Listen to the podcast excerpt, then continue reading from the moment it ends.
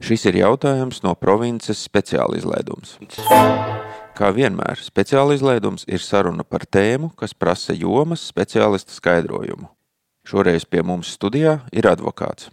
Jautāsim par policiju, prokuratūru, tiesām, pierādījumiem un likumiem. Jūsu uzmanībai teju divu stundu saruna, kurā noskaidrosies, kāds sakars Jēkabpils pudeļu taromāta kriminālistam ar satversmes tiesas darba stilu.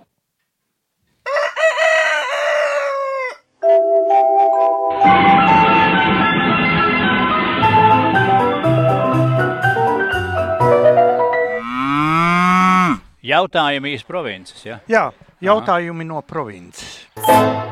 Tad nu, mēs esam sapulcējušies šaurā kompānijā.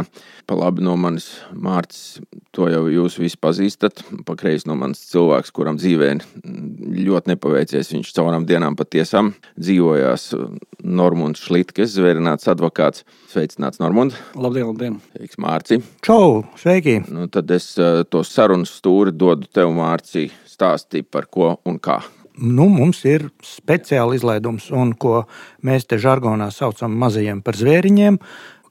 Ar tādu domu paskaidrot to, kam pietrūkst laika mūsu parastajā politisko lamu un fekālā humora pārpildītajos trešdienas redzējumos. Un tādēļ ciemiņi ir parasti vai nu, divi veidi. Mums mēdz būt vai nu zolīdi vai ļoti zolīdi. Nu, šis ir no Zolīdās zorts, laikam, jo viņš tik tiešām vazājas pat patiesām vien, patiesām vien. Tiesa gan, tas ir saistīts ar viņa uh, oficiālo statusu. Normons Šlitke ir zvērināts advokāts. Cik gadus? Kāds desmit apmēram. Tur mūžīgi ir strīds, ka vai palīgs stāžu ieskaita vai neieskaita. Kā nu kuros gadījumos? Nu jā, bet nu, ir labu laiciņu zvērnāts advokāts un pietiekoši uh, daudz redzēts arī mm, publiskajā telpā sakarā ar tām lietām, kuras viņš ir vai nu sev par labu, vai saviem klientiem par labu dzēn cauri līdz pat augstākajai tiesai. Satversmes tiesai ik pa reizē nonāk arī televīzijas starmešos, nu, lielākoties gan kā ļaunais advokāts. Tu jau tur neaizstāv sirmas māmiņas un tā pamatā tomēr. Nē, nu nav jau gluži tā, ka neaizstāv sirmāmoļus. Tieši otrādi sirmāmoļus droši vien skaitliski aizstāv daudz vairāk uzņēmējs, bet, nu, kā mēs zinām no Amerikas tautas un viņa anekdotiem par advokātiem, nu, nu nemīl advokāts. Jā, nekur, jā. Jā. Nu, tas tā ir. Jā. Te vēl gan jāpiebilst, ka bez sava advokāta zvērīguma Normons ir arī maģistrs citās jomās. Mēs skaitījām, mums sanāca kādas trīs vai četras. Es pats nezinu, arī man sanāks ar trīs un četrām. Man ir četri maģistra diplomi, bet kā tās nozars skaitās. Jo, jo nu, grūti pateikt. Nu, tur jurists, ir radioinženieris, ekonomists, ekonomikas, ekonomika, jā. Jā, darba aizsardzība. Jā, nu, radioinženieris tas nozīmē, ka cilvēks vispār ir pazīstams ar tādiem jēdzieniem kā līkne, sinhronizācija, kapacitāte, pretestība un visādus tādus vārdus zina. Zin, es domāju, ka tu teiksi Pavlovs tādus vārdus kaut kādus vai Edisons. Vai nē, nē, nē. nē, nē es, es zinu, vārdu pusvadītājs. Pēdējā sestdienā bija rakstīts, ka jaunais, jaunais termins varam pusvadītājs. Tas tas puisis, kas meiteni pavada līdz pusē, tikai līdz mājai, neiet augšā tādā kafijā. Nu, un tas, kas no mūsu šeit speciāli izlaidumos virpinātās tēmas būtu tomēr jāatklāj visā nopietnībā tomēr. Uh, Normunda tāda īstā seja. Viņš ir vēl piedāvājums arī no pirmās vidusskolas. Nu, Latvijā kopumā tie cilvēki dalās divās grupās. Tie, kas ir no pirmās vidusskolas, un tie, kas nav. Bet par laimi mūsu demokrātija sasniegusi tādas augstumus, ka es šeit studijā drīkstu sēdēt šo cilvēku klātbūtnē. Jā, jā, jā, jā. pat divreiz paklonies un jā. pēc tam sēd mierīgs. Jā, jā, jā. Tā. Bet, Normund, mēs te esam aicinājuši drusciņi vispārīgākai sarunai par to, kas notiek nevis ar pirmās vidusskolas absolventiem, un nevis ar ekonomikas un darba drošības maģistriem, bet kas notiek tieši viņa darbības sfērā, proti, tiesību aizsardzības, tiesību ievērošanas, tiesību, kā latviešu implementācija būtu jāsauc, dieniņu. Tā nav piemērošana. Piemērošanas, piemērošanas, piemērošanas tas tāds slāvisms vispār, bet nu, mm, grūti starp amerikānismu un, un rusicismu.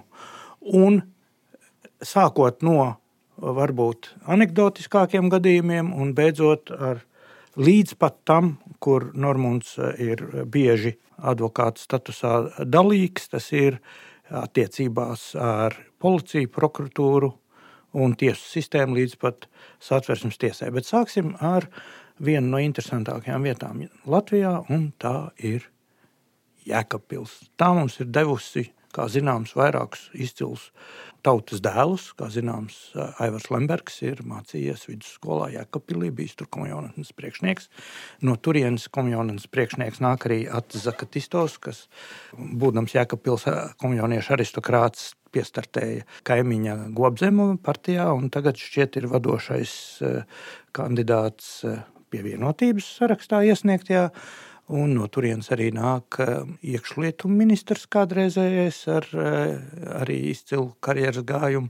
Viņa pašpartijas biedrs tātad eh, Ģirģenkungs. Un, un tur tagad notiek visādas lietas. Un, un Normons par Jēkabpils lietām diezgan labi informēts. Varbūt sāc ar svarīgāko. Kas tur bija tām pudelēm?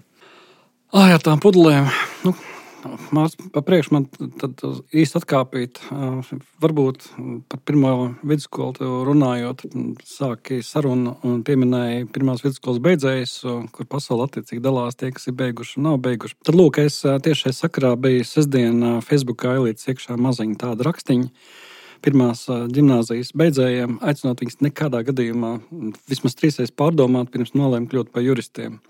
Jo jurista profesija nu, nu, nav paredzēta fizmatiem. Līdz ar to tiem pirmās gimnāzijas beidzējiem es silti iesaku no savu piemēru. Nu, mācieties no svešām kļūdām, rekuri kļūda, normāli šeit mācīties no viņa kļūdas. Nu, nevajag pirmās gimnāzijas beidzējiem fizmatiem.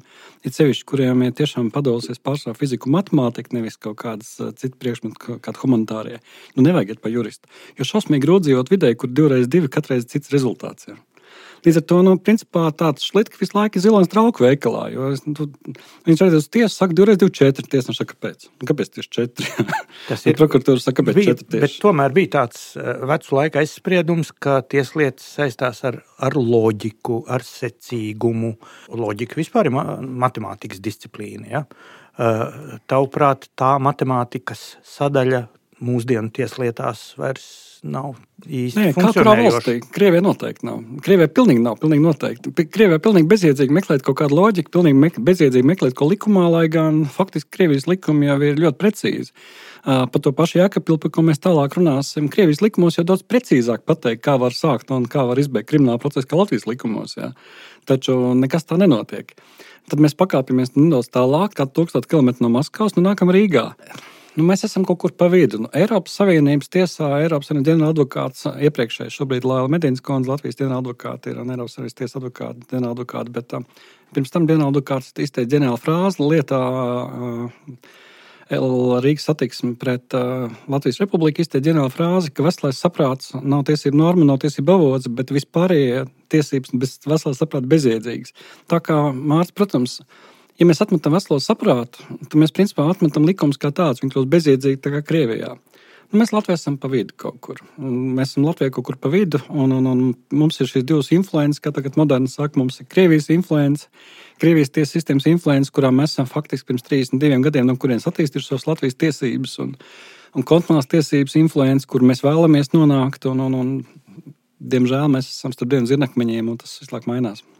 Bet atpakaļ pie um, šīs ūdens pilsētas, kurā mēs mēģinām, acīm redzot, jūru saskatīt pie Jēkabpils. Es saprotu, ka tur ir stāsts par gadījumu, kur Jēkabpilī uh, ne tikai noķēra, bet pat ierosināja kriminālu lietu pret noziedznieku, kurš bija centies nodot viltotas alus pudeles mm, taromātā, un tā viltošana izpaudās tāda viltotu uzlīmju sagatavošanā. Un, ja es pareizi sapratu, tad uh, vēl tur tajā izprašņāšanā noskaidrojas, ka tas cilvēks ir mēģinājis nodot, tur bija runa par eiro 60 vērtībā, no kuriem eiro 20 viņš bija samaksājis par tām uzlīmēm pie veikala. Sakot, tas uh, pasākums tiešām prasa nopietnu juristu skaidrojumu. Tad varbūt par to nedaudz.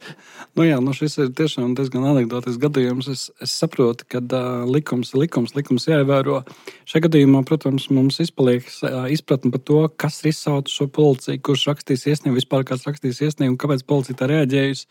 Bet, nu, jā, nu, protams, šeit man nāk prātā tās pašas Krievijas redzējums, Naša Raša, kur ir šis zīmīgais mūžīgs izšķirts par policijas iecirkni, kurā visu laiku tiek notiek šādi noziedznieki, kas izdarījuši briesmīgs noziegums, braukuši, teiksim, tramvajā bez biļetes, logu aizvēruši, pīpējuši uz balkonu. Un turpat pretī ir lielie noziegumi, kas tiek piesakti ar klasiskā šis sižets sēriju veidā. Nu, šis arī ir anekdotisks, jo ar divu dienu starpību ir šie divas epizodes. Pirmā epizode ir, ne, nekļūdos, laikam, kāds 12. vai 14. jūlijas, no galas neatceros, bet tā doma tāda, ka veikla apsargs uzzvana, ka viņš redz, ka kāds cilvēks mēģina tarumātā uzlīmēt uzlīmes visos pudelēm un nodot.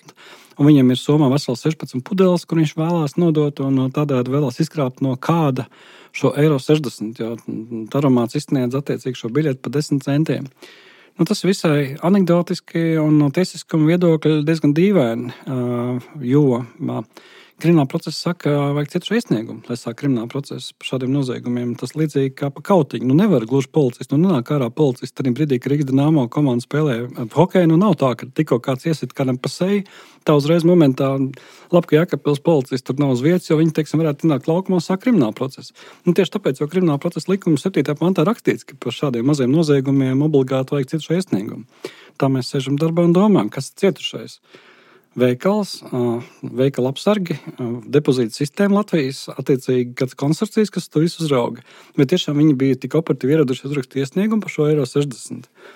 Līdz ar to šie, protams, jautājumi, kas nav uz kuriem atbildes. Un tieši tajā pašā laikā es saņemu atteikumu no Jākapils policijas, kas ir dažu minūšu laikā izlēmusi jautājumu par izkrāpt pusmiljonu, kur viņi saka, tas cilvēks ir strīds, lai cietušais vēršās tiesā. nu. Bet kas tev bija par uzlīmēm pa pusmiljonu, kur tu tādas esi dabūjis? Kādreiz viens mans klients uh, ir ticis pie Zemzīmes Jēkabpils cietuma. Un Jēkabpils cietums ir uz privātas zemes. Tas tā kā tajā anekdotē, vai tu atceries Mufšu, kurš dzīvoja pretī cietumam? Jā, Viņš tagad, tagad dzīvo pretī savai mājai. Pretī savai mājai jā. uh, un, un uh, tur cilvēks. Uh, nu, iegūta zem, zem savas mājas vai kaut kā tā. Nu, jā, nu man ir ļoti daudz cilvēku, mani klienti, advokāti klienti. Nu, diemžēl uh, redz, arhitekts savus kļūdas apstāda refējā, mārs savus kļūdas apbērēja, apbērēja nu, advokāta kļūdas sēž prasa cietumā. Ja. Nu, ne visas lietas var vinēt. It sevišķi tagad arī pats atzīst, ka, ka viņš izdarīja kaut ko sliktu, tāpēc man ļoti daudz klientu sēž Jākapils cietumā.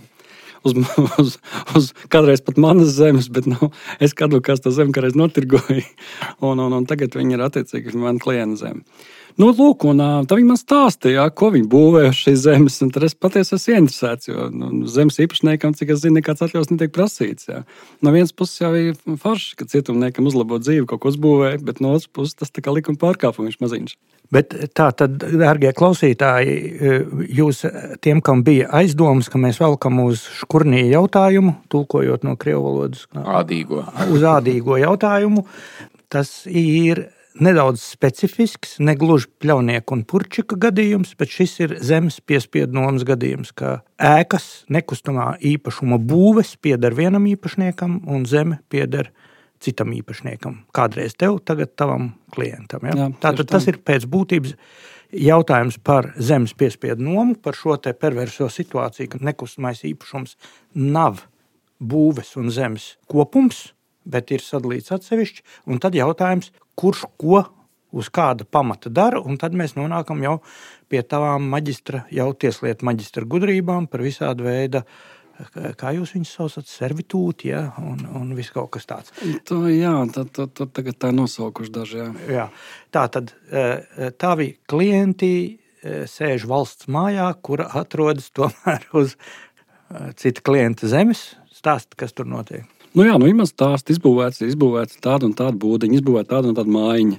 Mēs rakstām cietumam, teiksim, gribam, kā tas var būt, ka mums klients stāsta kaut kas notiek būvdarbu, kad mēs cietumnieki tur kaut ko būvējam, tagad mums ir tas un tas. Mēs Jākapils cietumā rakstām, mums, mums klients stāsta, ka viņi kaut ko tur būvē.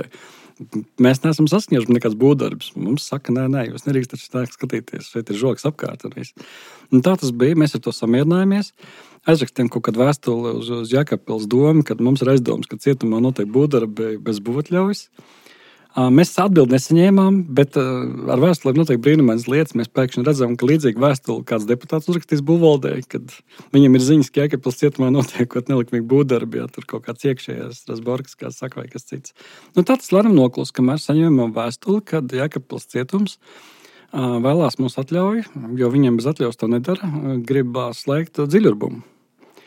Nu, mēs noslēgt, noslēgt nevis ieurbt. Nē, nē, noslēgt dziļumu. Noslēgt. Tas ir vajag... tas dziļurbums iznāk, ka tur jau ir. Iznāk, viņi iztaisījuši dziļumu, pakluso ne tikai būdīņas būvējuši. Nu, tad mēs sapratām, nu, labi, laukos cilvēki taisa artēziski kaut kādu taisā attiecīgi spits iedzen. Nu, tas ir pilnīgi normāli. Līdz 20 metriem tu vari spits ņemt. Nu, tie ir tādi nu, faktiski tādi virs, virsūdeņi. Nu, labi. Nav sevišķi legāli tas, ja, tas dalīties īpašums, bet nu, nekas briesmīgs. Mēs prasām, cik tas ūdens tur patērēts. Ir. Jēkabils cietums neko mums sevišķi nestāsta. Saka tikai vietiem patērējiem, tur nu, drusku ieslodzītiem, tur dušā un vēl kaut kam. Nu. Nu, kas mums žēl arī no vienas puses, nu, kamēr vienā dienā paņemam oficiālos datus un konstatējam, ka ūdens paņemts tādās tirgus cenās pa pusmiljonu. Ļoti vienkārši. Un tad mēs aizrakstam Jēkabas cietumā, vai viņi man negribētu samaksāt to. Vismaz nu, kaut kādu vienoties, kāda kompensācija par to, ka viņi ir pakluso, ir vienkārši ņēmuši ūdeni. Jēkabils cietums saka, nē, nē, viņi neko negrib maksāt, un nu, tieši otrādi. Viņiem visas tiesības ir, tas ir sabiedrības labā un viss cits. Nu. Aizsūtījām mēs vēstuli attiecīgi Jēkabpils policijai. Zinot, ka Jēkabpils policija ļoti jutīga pret visiem iespējamiem noziegumiem, ja jau pat, pat eiro 60 attiecīgi krimināla procesa uzreiz sekundes laikā un saņēmām burtiski lasījām necējums acīm. Teksts Jēkabpils policija mums atsūta uz jūsu 13. jūlijā reģistrēt iesniegumu, 13. jūlijā pieņem lēmumu atteikt kriminālu procesu, jo cilvēks ir strīds. Taramā tā nav cilvēks strīds. Šeit ir, nu, ir kā ir. Ko no tā mums būtu jāsacina vai jāsaprot? Tas par jēkapilu kaut ko liecina vai par kaut ko vairāk? Grūti pateikt. Nu, Jēkabpils policija ir, kā, kā jau Mārcis teica, visu laiku izcēlusies. Jēkabpils policijā bija pirmais savu laiku anekdotiskais gadījums Robina Huda, kur kāds policists bija nosaukts par Robina Hudu, un tāpēc sāk krimināla procesa pret personu, kas tā nosauc policistu. Jēkabpils policija slavena ar to, ka policists dodas reidā pa veikaliem, birojiem un pārbauda autortiesības. Uz to esmu gan es pats savu laiku iekritis, ka Jēkabpils policija pilnībā paralizējusi trijām dienām Rīgas zīmola fabrikas filiāli Jēkabpilī visu dators atņemot un paskot, kad dos tikai tad, kad parādīs visas licences. Ja nekļūdos, pat iekšlietu ministra ģimene iekrita to, ka Jēkabpils policisti devās reidā pārbaudīt, vai viss datori ir kārtībā. Nu, Jēkabpils policistiem būtu jāzina, līdzīgi kā ar, ar, ar uzlīmēm, nu, nedrīkst nākt iekšā uzņēmumos pārbaudīt autortiesības. Jo, nu, nu, nu, tas ir nianses, protams. Protams, atkal lielākā tiesa teiks, nu, vai tev žēl, ka te policists nāk un pārbauda autortiesības. Nu, viens sīkums likums policija to neparedz. Likums policija paredz, ka policija drīkst pārbaudīt tikai vai nav pārkāpuma tautsēmniecībā savukārt. Nu, piedodiet, atvainot autortiesības, nav tautsēmniecības noziegums.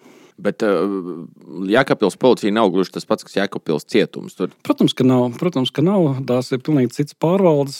Viena ir vairāk tieslietu ministrijas pakļautībā, otra iekšlietu ministrijas pakļautībā. Bet nu, Jēkabpils, Jēkabpils. Es domāju, ka cilvēki tur tāpat tās rotē. Viņš vienu dienu strādā policijā, citu dienu viņš strādā cietumā. Es pat nezinu, un, un kā mēs zinām, daži no viņiem arī sēž turpat tagad. Nu, tie, kas tur šaudījās pie tās spēļu zāles pirms gadiem. À, to spēļu zāle bija pavisam interesanti, jo es savu laiku biju uzrakstījis iesniegumu policijai tieši jautājumā, vai tiešām katrs policists rīkojums parastai personai jāpildīt, sevišķi, tas rīkojums absolūti nelikumīgs. Jo man vairāk klienti bija sodīti par nepakļaušanos policijas rīkojumiem. Un mēs norādījām, ja policijas rīkojumi tu pats vari konstatēt, ka rīkojums nelikumīgs, tad tu vari nepildīt viņu. Tik uzņemies visu risku, bet tu nepildi, protams. Un, attiecīgi, man norādīja iekšējā drošības birojas tajā laikā, viņš vēl citādi saucās, ka jāpild visi rīkojumi. Ka ir nu, vispār nevar iedomāties, kāda nav jāpild. Un es norādīju, iedomājieties, ka inkasators nāks ar pilnu summu naudas un pienāks pie viņa policists, klāt, teiks, atdod summu. Un uh, viņi teiks, jādod. Ir. Nu, Nelaimīgā kārtā tieši pēc pāris nedēļām tā arī notika. Tieši tā arī notika, un es sūtīju vēstuli IDB. kā jums patīk mans pagājušā mēneša jautājums, un kā jums patīk jūsu atbildē? Kaut kā tā, nu, sagadījās atkal Jēkabpils. Sagadījās. Nu, ne, visu laiku sagadījās. Nē, nu, ar to es, es taisni jūtu, ka tas Jēkabpils uh, fenomens, pie kam tie visi notikumi piedāvājumi notiek Krustpils pusē, laikam pat ne. Es, es, es pats Rēkapilī pēdējo reizi biju pirms gadiem 20. Laikam. Es, es, tā kā man tur man ar cietuma attiecības slikts, tas labāk nebrauc. Jā. jā, okay. Te skan jautājums no provinces. Telefona radio raidījums, kuru Latvijā klausās katrs ministrs un katra deputāte. Nepaliec par vientulīti arī tu. Noklausies pats, pārsūti raidījumu radiem un pastāsti kaimiņam, ko dzirdēji jaunajā sērijā. Izglāb draugu no garlaicības un nezināšanas, uzaicina viņu raidījuma klausītāju pulkā. Mēs šeit pievēršam uzmanību, ka mēs esam paņēmuši modelim kopējai situācijai. Joka pēc kaut ko, kas nav Rīga, kas nav Ventspils, kas nav jūrmala, lai nebūtu tāda sajūta, ka mēs nodarbojamies ar priekšvēlēšanu kaut kādu aģitāciju vai kontraģitāciju vai kaut ko tādu. Šobrīd tēma ir likums, interpretācija, izpildi. Un šī stāsta bija, ka pašas policijas, piemēram, Jēkabpils policijas priekšstats par to, kas ir, kas nav policijas likumā par policiju, kas ir, kas nav krimināla procesā. Tur vajag iesniegumu, nevajag iesniegumu, rakstam, nerakstam. Tur. Uh, es pieņemu mūsu klausītājiem, nevienam vien, lai neteiktu daudziem, daudziem, daudziem, ir pieredze ar to, ka tajā brīdī, kad tu zvani policijai ar kaut kādu, nu, varbūt ne kaut ko, šo, nu, nav šaušana, nav, nav tur varbūt mašīna uzsprāgus vai kaut kas tāds, un tu saņem atbildi, nu, jā, jums tiešām vajag, jā. Un, un tā kā tu uzmācies to savu iesniegumu pārāk nešpētni, tad tev vēl dod mājienu, ka vispār vajadzētu aiziet pie tevis, pastīties, vai tev tur mājā nav nelikumīgs medību nazis kaut kāds, jā, ka, teiksim, nu, ka tu tāds tik ļoti atskabargains tips esi trāpījies. Tas ir tā policijas reakcija, kā lai to mēs varētu teikt, ir mēdz būt selektīva, ja, šajā posmā. Kas notiek ar to procesu, kad policija ir selektīvi rīkojusies, tam krimināla procesam tālākais pakāpiens ir acīm redzot izmeklēšana prokuratūra. Kas tur notiek ar šo? Šis ir sarežģīts, šis ir ārkārtīgi sarežģīts situācija, jo um, šeit vairs labo un slikto nav, nav tik vienkārši. Jo, jo ir uh, policists, kas uh, visticamāk kļūdīsies vai nekļūdīsies, tālāk, ka prokuratūra, kas tās kļūdas izlabos, tiesa katru kļūdu pamanīs un augstākā tiesa pavisam noteikti viss. Uh, diemžēl šobrīd ir attiecībā uz krimināllietām mēs vēl varam cerēt, jo augstākā tiesa patiešām krimināllietās diezgan labi strādā, pat ļoti labi strādā krimināllietu departaments augstākajā tiesā. Bet attiecībā uz policiju, prokuratūru un tiesu, nē, augstāk mēs varam cerēt tikai uz augstākās tiesas krimināla departamentu. Jo Diemžēl mēs varam pateikt, ka šobrīd ir tas labi vai slikti, kad tieši policija tā, kas varbūt tieši precīzāk piemēro šīs tiesību normas, kā prokuratūra tiesa. Arī mans kolēģis Rosāno kungs tev ļoti precīzi norāda uz pēdējo rakstā, ko viņš bija juristu vārdā publicējis par to, ka, ja jau lieta ir iekustināta, tad viņu apturēt, mēs, mums ir tas padomu mantojums, mēs jau nemākam apturēt tās lietas prokuratūrā. Mēs uz roku pirkstiem skaitām, cik tās lietas, kas beigušās ir tiesā, tiesas izmeklēšanas stadijā. Teiksim, es biju pats liecinieks apmēram vairāk gadu garumā tā saucamā lidostas noklausīšanās lietā, cik tur bija 36 vai cik sēdes pa 5-6 stundām, kas izmaksā valsts budžetam droši vien kaut kādu miljonu, kas izmaksāja advokātiem, klientiem, visiem citiem. Pašai lidostā izmaksāja. Ja lidostas pusvalde un pusdarbinieki sēž 36 sēdes pa 6 stundām, prokuratūra atteicās no apsūdzību debašu runājām. Bet tas arī zināmā mērā sakrīt ar to, ko raksta kolēģis Sānovs. Kad ja vispār atsakās, tad debašu runas laikā. Jā, jo, jo principā atteikties tā vienkārši atnāk tā kā Amerikas filmās, ka mēs redzam, ka prokuratūra saka, nē, es paklausījos, šie cilvēki taču nav vainīgi. Ne, tas, ko tajās eh, slavenajās Holivudas filmās, eh, tur ir tas teiciens, we drop the case. Ja? Jā, nē. Pie mums nav tādas tradīcijas īstenībā. Nē, nē, nav, tas, nav, ir, bet to, tas ir saistīts ar mantojumu, kaut kādu domāšanas veidu, izglītību. Jā, jā. Kur, kur ir Kur ir tā sakne? Gan likumā tas tā lāga nav iestrādāts. Man pašam bija jautājums, pirmais, kāpēc vispār tiesas pieņem lietas? Civilieta tiesa nepieņem no jebkura. Kāpēc tiesa pieņem lietu no prokuratūras, kas ir pilnīgi uzzīmēta? Jo mēs atkal skatāmies ne tikai amerikāņi, kas, protams, ir citu tiesību sistēma, filmas par to, ka tiesa saka, vispār šeit nav lietas, ko jūs mums atsūtījāt. Šai gadījumā līdzīgs gadījums faktiski bija ļoti nopietnā un tādēļ sabiedriski nozīmīgā un nepabeigtā tēmā tas ir Maksims sagrūšanas lietā. Ja? Kā tiesa pieņēma lēmumu, kurā uz diezgan daudz lapām bija rakstīts, Jurim, Jurks, tev ir tā podziņa, pīpodziņa. Tajā, tajā tiesas spriedumā bija rakstīts, ko jūs mums te esat atvilkuši. Attejas ūdens jaucēja uh, tehnisko šito uzstādīšanas instrukciju un neatpakot kaut kādas kastes, kurās ir sildelementi kaut kādi šitie, ko neviens nav dzīvē redzējis. Un to prokuratūra ļoti nozīmīgā lietā, kur ir simtiem cietušo. Ja? Tur bija līdz skaits vien bija. Cik? 50 kaut kas, jā. jā mm. un, un līdz to cietušie bija eh, nu, 3-4 reizes vairāk. Ja? Tā ir traģiska lieta. Sociāli ārkārtīgi nozīmīga lieta. Taisnīguma nozīmē un prevencijas nozīmē tādam procesam un spriedumam būtu bijis jānovērš turpmākā, nu, vai jāmazina. Un tā vietā prokuratūra ir kolekcionējusi mēslus, likusi pakās, sūtījusi uz tiesu, un tiesa ir tos pieņēmusi izskatīšanai. Tad nomocījusies, cik tur bija tās sēdes. Arī Jēzus Mārtiņš tur gadu gāja ja, tā lieta. Nu, un bija spiesta konstatēt, ka prokuratūra nodarbojas ar pilnīgu figņu. Ja? Galu galā tā pati arī skandalozā, jā, digitālās televīzijas lieta, repšas inspirētā, kur uz apsūdzēto sodu sēdēja cik 20 cilvēku. Vai, un tas process gāja pirmajā instancē arī. No, pirmā, pirmie aresti bija 2003. gadā. Izmeklēšana gāja kopš tā laika, tiesa gāja 11 gadus laikam. Tas laikā divi cilvēki vienkārši nomira nu, pašā paš procesa laikā. Ja? Un, nu, tagad ir otrās instances tiesas lēmums, ir, ka kā saka, viss ir uzrakstīts pareizi, tik nav nozieguma sastāvā. Nu, to taču arī droši vien tiesa varēja redzēt kaut kādā agrākā stadijā. Kaut arī nu, tur ar, to, ar šo lietu, acīm redzot, atkal ne jau policija tur bija vainīga, bet drīzāk prokuratūra bija dzinējspēks.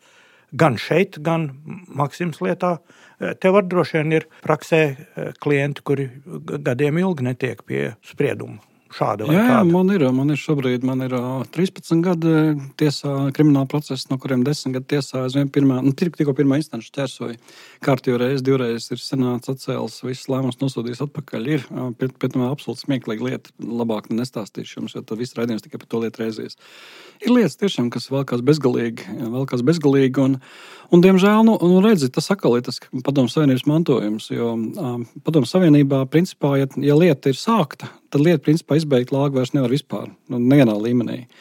Un, lai cik tas nebūtu dīvaini, zinām, recidīva bija arī pirms dažiem gadiem Krievijā, kur Putins vēlējās apturēt kaut kādu lietu, un jo vairāk viņš uzspieda, ka būtu jāaptur lieta, vai tas bija tas teātris direktors Rebņevs, vai es neatceros, kurš, bet viņš it kā saka, vajadzētu piebremzēt, un spēcdienās vēl vairāk sāka parādīt, nē, nē, mēs nekļūdījāmies. Priekšnieki mēs nekļūdījāmies, viņš ir sliktais, mēs vēl piemetīsim vēl papildus pierādījumus klāt. Bet, Tad uh, Latvijā nu, tieši tāpēc es arī teicu, ka paldies Dievam, ka vismaz Rīgā policija šobrīd patiešām uzrāda ļoti labu darba rezultātu.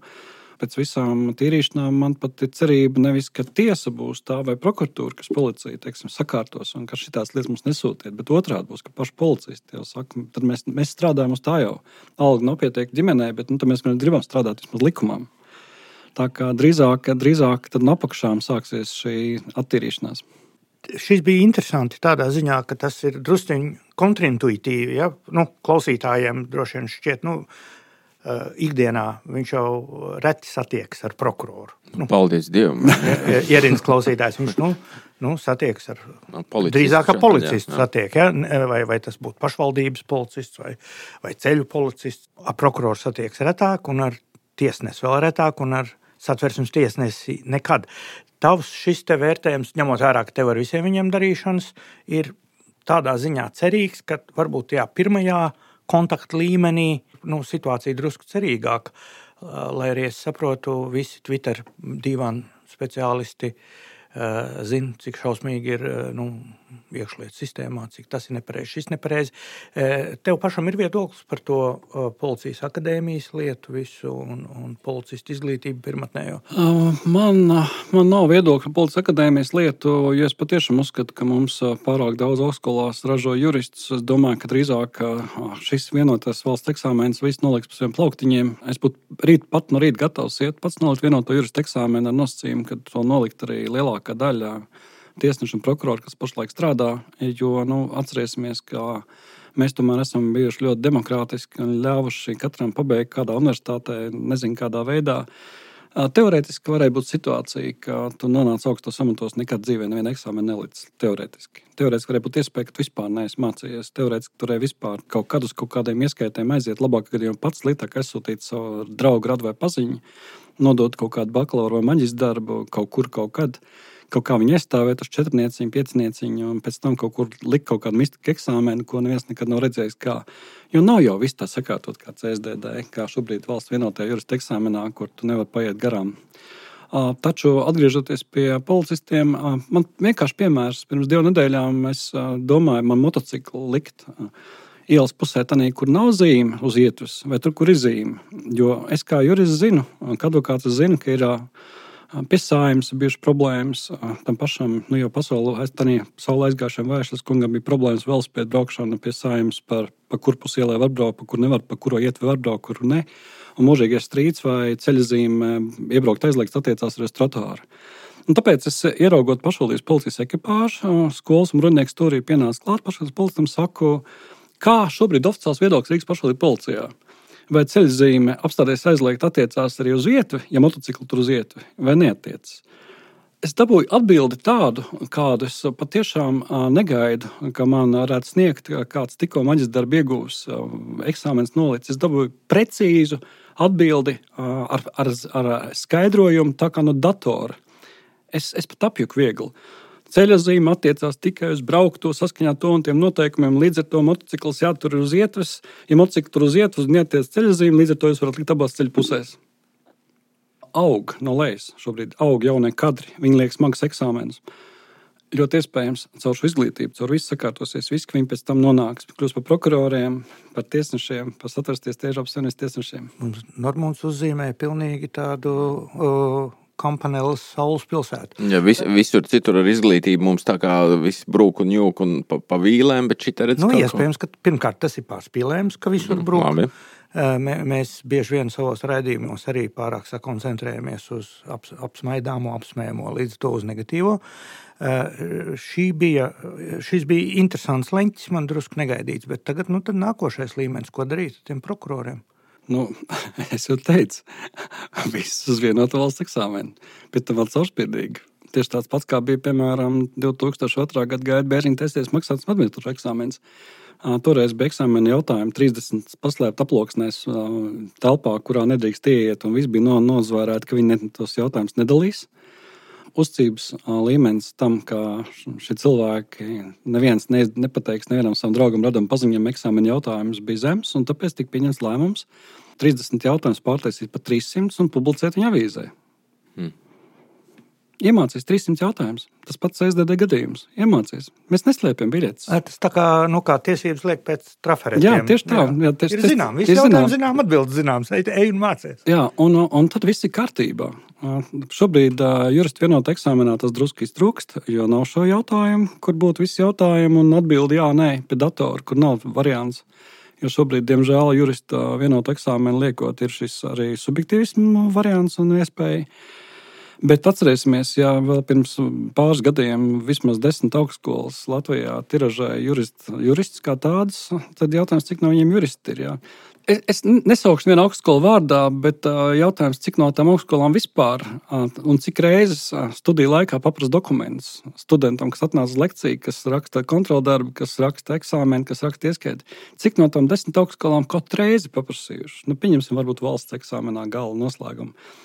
Varbūt es neatceros, tiešām, kā kur augstskolā ir. Es savus valsts eksāmenus, es esmu. Nu, Pēc Tučkas Latvijas valsts universitātē divas valsts eksāmenes. Arī ieskaņojuši grāmatiņu, tur bija iekšā un tā, nu viss. Ne? Jā, bet es zinu, nu, par, ne tieši grupas biedrus, paralēli grupās, kur bija puiši, kas to zinātnisko komunismu gāja kārtot nu, par siltām pusdienām Rīgas mazajā zālē. Tā bija tāda nu, normāla lieta, vai ne? Viņš trīs vai četras aiziet nokārtot vienā, vienā sesijā. Es, es pats dabūju teicamies, es teicamnieks zinātniskā komunismā. Bet uh, no tā zinātniskā komunisma atpakaļ realitātē.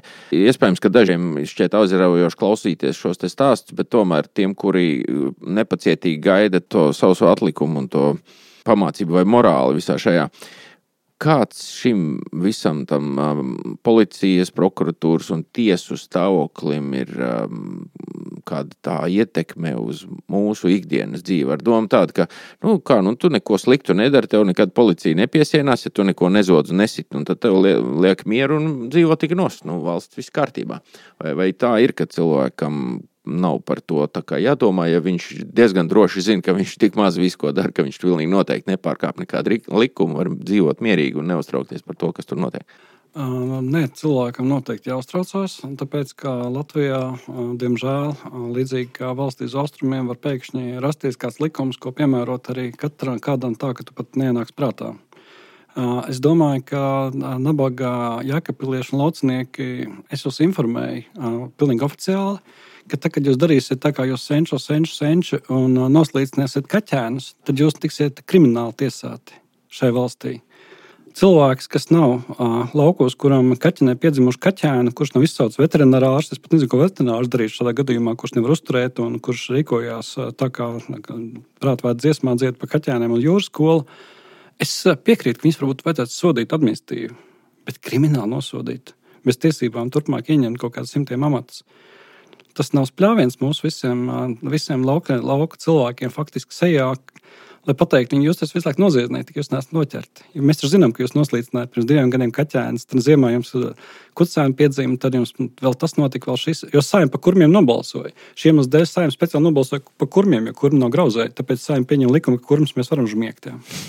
Bet, labi, bet tas ir tāds spilgts piemērs, bet nedaudz plašāk un nopietnāk.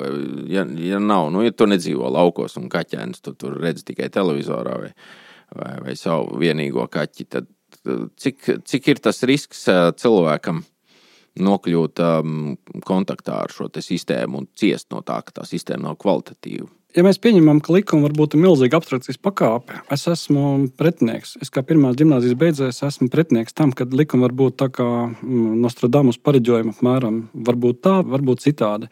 Bet uh, Juristi raksta, oficiāls jurists, tikai presē, ko lasa tikai juristi, raksta, ka satversmes 89. un 90. gadsimta paši svarīgākie. Kāpēc viņi paši svarīgākie? Tāpēc, ka ar viņiem sākās viss cilvēktiesību nodaļa, ko pieņēma 1998. gadā. Līdz 89. pāns saka, ka visai valsts iestādēm visām jānodrošina, lai persona zinās savas tiesības, un 90. pāns saka, ka katram individuālam tiesībām zinās savas tiesības. Satversties nekad nav ierosinājis nevienu lietu par 89. un 90. pāntu vienmēr atteikums, jo satversmes tiesa saka, ka nu, konsultēties, konsultēties, ejiet, runājiet, savāciet kaut kādu informāciju, paši noskaidrojiet, ko jūs drīkstat darīt, cik jūs drīkstat runāt par Krieviju, ko citu. Mēs esam klāt pie jautājuma par satversmes tiesu, ar kuru tev ir, es tā saprotu, diezgan ilgs uh, mīlestības un naida attiecību periods. Vai tu varētu iezīmēt, varbūt burtiski dažos pamatvilcienos, ko tu tur dari satversmes tiesā? Jo, ja reiz tu esi nu, krimināla lieta advokāts, kas, kas tev par daļu gar satversmes tiesu? Satversmes tiesa, tad, kad tu ieraugi, ka kāda tiesa ir piemērojusi kādu likumu tā, ka tu nevari pateikt, ka tā ir tiesas kļūda. Tev ir tiesības vērsties satversmes tiesā. Austrumos, ja likumā rakstīts, ka jādara tā, tad jādara tā. Rietumos ir rakstīts, ka viss likuma ir hierarhijā. Mums ir speciāls saimnieks pieņēmis likumu, kas saucās oficiāla publikācija tieskās informācijas likums, kurā rakstīts, ka likums jāpiemēro pēc hierarhijas. Tātad, Mēs atceries, atcerēsimies, ka Hitlers jau nepārkāpa vienu likumu, ka viņš sāka Otro pasaules karu un nogalināja cilvēkus, jo viņam bija absolūts vēlētāju mandāts. Jā. Līdz ar to mēs runājam par to, ka likums jāpiemēro saprātīgi. Un tu nedrīkst piemērot likumu vienalga, kas tur izdevis. Tad, ja Jēkabils doma pieņem likumu par to, ka Latvija pievienojās teiksim, kādai citai valstī, Nu, nav šie saistošie noteikumi jāpilda. Tev jāsaprot, ka viņam nav kompetence pieņemt tādu likumu. Tev drīzāk jāiet uz policiju, uz drošības dienas, jāsaka, jā, ka pilsētas doma vai vienalga kaut kāds X-pilsētas doma ir attiecīgi jāatstādina, jāristē. Bet šobrīd vadošais viedoklis ir tāds, ka, ja saimnieks pieņēmis likumu, kas neatbilst satversmē, tas jāpiemēro. Un šobrīd ir diskusijas par to, vai likums, kas, ko tu redzi, ka viņš neatbilst augstākajai tiesību normai, cilvēktiesību konvencijai vai, vai, vai satversmē, jāpiemēro. Līdz ar to šis ir viena no diskusijām par to, kad drīkst vērsties satversmes tiesā. Principā likums nosaka, ka tu vērsies tad, ja tu redz, ka likums ir galīgi, galīgi neatbilstošs satversmē. Jo principā mums ir atļāvuši arī parastiem personām vērsties, proti, fiziskām, juridiskām personām, privāto tiesību subjektiem vērsties satversmes tiesā ar savu sūdzību. Bet vispār satversmes tiesā normāli vēršas deputāti, pašvaldības tiesības sargs, tiesneši. Viņi vēršas ar pieteikumu, nevis ar sūdzību. Viņiem ir īsākas ceļš. Sūdzība es saprotu, man šitais nepatīk, te kaut kas nav pareizi. Kas ir pieteikums? À, pieteikums deputāti paraksta, un šis likums acīm redzot neatbilst tam un tam. Viņiem pat nav jāraksta tik ļoti, nav jāpamato kā sūdzība. Viņi vienkārši saka, šeit kaut kas nav riktīgi. Piemēram, pašvaldības koalīcija saka, nobalso kaut ko. Un opozīcijas 20 deputāti saka, jā, ka kaut kas šitais galīgi neiet krastā. Jā, tas neiet kopā, teiksim, Latvijas uzņemtām starptautiskām saistībām Piemēram, to un to. Un to. Viņi parakst 20 deputāti, viņiem nav tās prasības, kā Šlitkam, teiksim, lai konstitucionālu sūdzību uzrakstītu.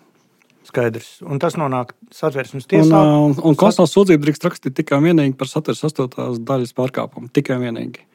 Tu nedrīkst rakstīt ne par ko citu, kā tikai par satversmes astotās daļas. Tas ir cilvēku pamatiesību pārkāpumu, konstitucionālu sūdzību. Ne par ko citu tas ir kā, kā privāts prasītājs. Kā, kā privāts, kā privāts prasītājs, tu rakstīt, ka likums, likums neatbilst augstākam spēka likumam, un tādējādi tas aizskar tavus sastāvus, sastāvus nodaļā noteikts pamatiesības. Tas ir diezgan limitēts vispār. Tas koridors, jā, jā, tas koridors ļoti šaurs. Jā. Bet nu, tu tur vazājies pa to koridoru. Tur, jā. Dažreiz ir gadījies, ka satversties ierosinājis lietas, un, un, un ir, ir diezgan interesanti rezultāti bijuši. Un... Jā, varbūt vēl tāda maza procedūras piezīme mūsu klausītājiem. Satversmes tiesa pa priekšu lemj vispār rosināt vai nerosināt pašu skatīšanu. Ja? Jā, tad, tad jā, vispirms tiesnesis, tiesnesis iepazīstās lietu, tad sasauc trīs tiesnešus. Ja šie trīs tieši citi nevar tikt galā ar lēmumu ierosināt vai nē, tad viņi pilnā sastāvā visi septiņi lemj. Kā man tikko pavisam svaigi bija, ņemot vērā, ka mani klienti, jā, Izraels pilsoņu savu traumu nomirusi bija, tad satversties septiņu tiesnešu sastāvā lēma jautājumu, vai um, es drīkstu mirušas personas vārdā sniegt iesniegumu satversmes tiesā, ja viņa nomirusi pēc tam, kad saimnieka likuma pieņēmusi. Viņa nolēma, ka tā kā tā bija strīdīgs balss, viņa nolēma, ka tā kā viņa nomirusi bija pirms tam, kad likums pieņems, tad viņa par to likumu nezināja. Tādējādi es nevaru mirušas personas vārdā vērsties. Savukārt, ja likums būtu pieņemts, ka viņa dzīve, tad es drīkstētu. Klausītāji jūt, ka šeit jo augstāk pa kāpnēm, jo tās procesuālās lietas iespējams kļūst izsmalcinātākas. Ja, tur to āķīšu un to pagriezienu ir aizvien vairāk. Bet es saprotu, ka tu savā ikdienišķā zemes piespiedu nomas jautājumos tev ir bijis diezgan raiba pieredze ar to, ko satversmes tiesa lemj un kāpēc tam saima to izpilda. Es atgādināšu mūsu klausītājiem, mums relatīvi nesen bija vairākos raidījumos, mēs pieminējām, ka saima nolēma pildīt satversmes tiesas noteikto, piemēram, par tām tiesībām vienzimumu pāriem uz kaut ko tur, kas viņiem citkārt nebija, kas iepriekšējās saimnes ieskatā nepienācās pāriem, jo ģimene satversmē nu, tur ir nostiprināts, kas nu, tā ģimene ir. Un satversmes tiesa lēma tagad šitā, un tāda saima izdzina cauri šo te tagad, nu, grozījumu, lai izpildītu satversmes tiesas. Šī tēma pietiekoši pēdējā laikā bija aktuāli. Es pieņemu, klausītāji to atceras. Kā ir tava pieredze ar satversmes tiesas lēmumiem un pēc tam saimnes reakciju uz to? Šeit ir divi aspekti. Viens aspekts ir tāds dziļi juridiskais, kas nevienam eh, sevišķi nebūs interesants. Proti, jautājums, vai satversmes tiesa pati ir saistīta ar saviem iepriekšējiem nolēmumiem. Jo Amerikā, Anglijā, visur, kur ir precedenta tiesības, eh, jau augstākā tiesa ir pateikusi, ka 2,25 tad visai nācijai būs jāpieņem, ka nu, tā ir pateikts. Mums ir precedenta tiesības, tad to var labot vai nu likumdevējs, kas pasakā no šodienas divreiz divi akli četri. Vai nu attiecīgi Amerikas, attiecīgi, vai, vai Anglijas, vai kas augstākā tiesa pasakā, ka, ka es atkāpjamies no tā precedenta, jo šeit ir citādāk. Jo tas divnieks bija drusciņš, drusciņš lielāks kā iepriekšējais divnieks. Tātad, kā, kā to pareizi norāda tiesības zinātnieki, kā piemēram Levitkungs savā rakstā. Ja norāda uz to, ka tad tiek meklēts atšķirīgums. Līdz ar to šis ir viens no jautājumiem, kas šobrīd satrauc visus juristus vai satversmes tiesas likuma 32. pāns, kas saka, ka visus Latvijā saist iepriekšējā satversmes tiesas spriedumu attiec pašu satversmes tiesas. Un šis ir interesants jautājums, ko visi šobrīd risina. Apmēram. Vai satversmes tiesā drīkstēs šis sastāvs atkāpties no tā, ko pateikuši iepriekšējie satversmes tiesas sastāvi, ja, viņas, ja viņiem tas ir likums, ko iepriekšējie pateikuši. Un iepriekšējie bieži kļūdījušies arī tā skaitā. Tiksim, iepriekšēji... Vai satversmes tiesa var kļūdīties? Protams, bet, protams, visi cilvēki. Atcerēsimies, ka visi cilvēki, un arī Amerikas augstākā tiesa kļūdās, un arī Anglijas, un viss, protams, ka kļūdās. Ir jautājums mūžīgais mīļām ir laba, ko mums darīt ar tiesas kļūdām. Jo vispārējais uzstādījums resjudikāti ir tāds, ja tiesa kļūdījusies, tad mums šī kļūda jāpieņem. Ir bijušas lielisks uh, kinofilmas par to, ka kāds uzdodas par citu personu, teiksim, jā. senajās jā. valstīs. Viņš saka, es miršu, tad es gribu mirt kā godīgs cilvēks, nevis uh, atzīties, ka es esmu viltvārds un pieņemt svešu vārdu. Jā tam cilvēkam, kur vārdus pieņem, pienākas nāves sots, tad es miršu. Ja, tiesnesis raud, ja zālē. Tiesnesis, man te jāaptur nāves sots. Man nav variantu, jo precedents saka, ka par šo te jāaptur nāves sots. Nu, mēs zinām, ka tu esi viltvārds. Mēs zinām, pasaki savu īsto vārdu un ej, ej brīvs cilvēks. Un tiesnesis ar asarām acīs piespriež to nāves sodu. Viņš saka, jā, es miršu kā brīvs cilvēks. Tas, tas ir tas redukāta princips, ja, kad uh, mēs pieņemam, mēs nu, papaņaķiem nekas nenotiek vairs. Tad, uh, valstī, kurā ir svarīgāks tiesiskums, uh, likuma spēks, likuma varas spēks. Labāk mirt, labāk mirt, ja likums saka, tev jāmirt, jāmirst, nekā atkal atrast kādu schēmu un apiet likumu. Bet par kuru valsti mēs tagad runājam? Kā šo var attiecināt uz Latviju? Cik tālu mēs no tā esam? Oi, mēs Latvijas satversties un Amerikas konstitucionāla tiesa principā pilnīgi vienā līmenī šobrīd. Es pat necerēju, ka Latvija un Amerikas konstitucionālā tiesa, kurā tik ilga vēsture ir tik ātri, principā būs kļuvuši praktiski ar identitātes zīmi. Nu, tas visi ārzemju ziņu klausītāji un informācijai sekotāji zinās, ka pašreizējais ASV augstākās tiesas sastāvs tiek apsūdzēts politikānismā, ka tā vietā, lai veidotu kā to smalko vārdu sauc, judikatūra. Ja? Nē, nē, nē Lai, nu jā, tā tā judikatūra augstākā tiesa Amerikā, ir tāpat, kas mums atversties. Jā, tā vietā, lai sakārtotu un novērstu pretrunas, ka tā novēr, nodarbojas ar tiešu iedarbošanos tajā jomā, kas būtu likumdošanas sfēra, kas būtu jālemj tautas vēlētiem, eh, demokrātiski vēlētiem priekšstāvjiem. Nevis nevis tieslietu speciālistiem jāizšķir jautājumi. Jā, augstākā... Pie mums ir kaut kas līdzīgs tātad. Jā, no Amerikas, jā, tieši tā. No Amerikas augstākā tiesa bija dibināta deviņi tiesneši, kurus principā veselais saprāts lika prezidentam nominēt tādu, kuram ir 40 gadi, lai viņš ilgāk dzīvotu, jo viņi bija uz mūžu. Eiropā tas nav pieņemts. Eiropā ir nosacījums, ka konstitucionālās tiesas tiesnesis drīkst būt vienreiz mūžā uz desmit gadiem. Ja viņš pārtrauc, viņš var turpināt, bet kopā viņš nedrīkst būt savas dzīves laikā vairāk kā desmit gadi. Amerikā pretējais, kad tu ieliec augstākajā tiesā, tas ir tiesas tiesnesis, viņi tikai deviņi. Un viņi attiecīgi līdz mūža galam strādā. Tieši tāpēc arī Rutai Baidena kundzei, par kuru ir filmas uzņēmums, viss teica, ka atkāpies, kamēr, kamēr nav nepatikšanas, kamēr nenāks Trumps. Ja? Un, un, un tā nu pagaidu sanāca, kad Amerikas varbūtības teorija nenostrādāja. Un Amerikas uh, Trumpam sanāca vesels trīs tiesneši nominēt augstākajā tiesā, pilnīgi izjaucot šī gadsimtiem pastāvējušu varbūtības teorijas līdzsvaru. Mums ir noticis kaut kas varbūt līdzīgs, mums ir ļoti īpatnējs. Bet mums ir bijis līdzsvars, tas tā interesanti. Mums tomēr kaut kā, mums nav nekad bijis atklāti pateikts, tā kā Amerikā pie mums, es neesmu dzirdējis, ka tajā brīdī, kad tiesnesi nominē, ka pie reizes pasaka, viņš ir konservatīvs, viņš ir liberāls, viņš tāds, viņš ir tāds. Visu laiku ir runa par to kompetenci, nekompetenci, bijis universitātē profesors, nav bijis profesors. Nu, kaut kā tā. Ah, tā it kā būtu jābūt, jā, bet mums ir satrasties, tiek organizēta cit, pēc citiem principiem. Mums attiecīgi pēc šos tiesnešus nominē pēc pozīcijām, attiecīgi vai nu tiesvara, vai nu izpildu vara, vai nu likumdevēja vara. Un, attiecīgi, tādā veidā šis līdzsvars tiek nodrošināts. Jāsaka, ka mums gan privātajā, gan publiskajā sektorā ļoti daudz, kā mēs aizmirstam, kas ka opozīcija ļoti svarīga. Un līdz ar to mums ir vairākas nozares kurā mēs varam pretēji vispāriem principiem, kā mēs piepildām, teiksim, sājumā, sājumā, teiksim, ir komitejas, komisijas attiecīgi pašvaldības komitejas, eh, saimā komisijas, un eh, attiecīgi mums jāpiepild visi deputāti, mums viņi jāizdala, līdz ar to mums opozīcija reāli strādā ikdienas, un mēs no viņas kāda jēga parādās. Ja, ja mēs, teiksim, izdarām tā, kā komerclikums savukārt nosaka, teiksim, ja tev ir akcijas sabiedrība, jeb SIA, kur tu no paša sākuma esi uztaisījis padomi, tad mēs sakām, ka ar mažoritāro vai attiecīgi nevis mažoritāro, bet to speciālu balsojumu, kumulatīvu balsojumu mēs nodrošināsim opozīcijas pārstāvus padomē. Ja mēs pasakām, ka mēs vēlēšana dienā mēs ievēlām visus. Revīzijas komisija balss vairākumu, padomu ar balss vairākumu, valde ar balss vairākumu, valsts priekšstāvja balss vairākumu. Tad jau mums pēc tam šie visi ir no tās dienas rezultāts, kāds bija akcionāra sastāvs tajā dienā. Līdz ar to mēs. Mēs varam cerēt, ka viņi pēc tam savā starpā kaut kā sakašķēsies, lai viens otru sāk uzraudzīt. Bet, ja mēs esam iecēluši vienlaicīgi akcionāru padomi, valdi, revizijas komisiju vispārējos, tad nu, teikt, lai viņi viens otru uzrauga, tas vairāk ir uh, mistiski. Lieki. Un, un tā šī analoģija ir ar satversmes tiesu tādā ziņā, ka tur arī nav lielā mērā viens jā, opozīcija ļoti maz var ietekmēt. Jā. Bet man ir radies tāds priekšstats, uh, sekojot tām pēdējām nominācijām, ka uh, viņi visi satversmes tiesā ir tāda tā kompromisa rezultāts, jo pa viņu ir jānobalso. Tad visai tai aktīvajai tai saimē ir jāvie, par kaut ko jāvienojas, un ja tur tajā saimē ir līdzsvars, tad viņi arī vienojās par kaut kādu personu, ko viņi tur uzskata par līdzsvaru bet kur tā problēma ir? Tad sanāk tā, ka tas ir, tas ir kaut kāds tirgus un tur nav nekāda līdzsvara. Tur viņi vienkārši maina viena ietekmi pret otru vai kā, kur problēma. Grūti pateikt, es galīgi neorientējos politiskos procesos. Man absolūti nav skaidrība, kā tas notiek.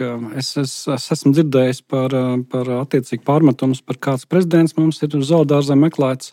Un, man liekas, tas ir pilnīgi demokrātisks process. Man liekas, pilnīgi vienalga, kur notiek šīs kulāras sarunas par prezidentu. Ja mums satversmes nosaka, kādā veidā izvēlas prezidentu, ka tu ievēl saimnes deputātu.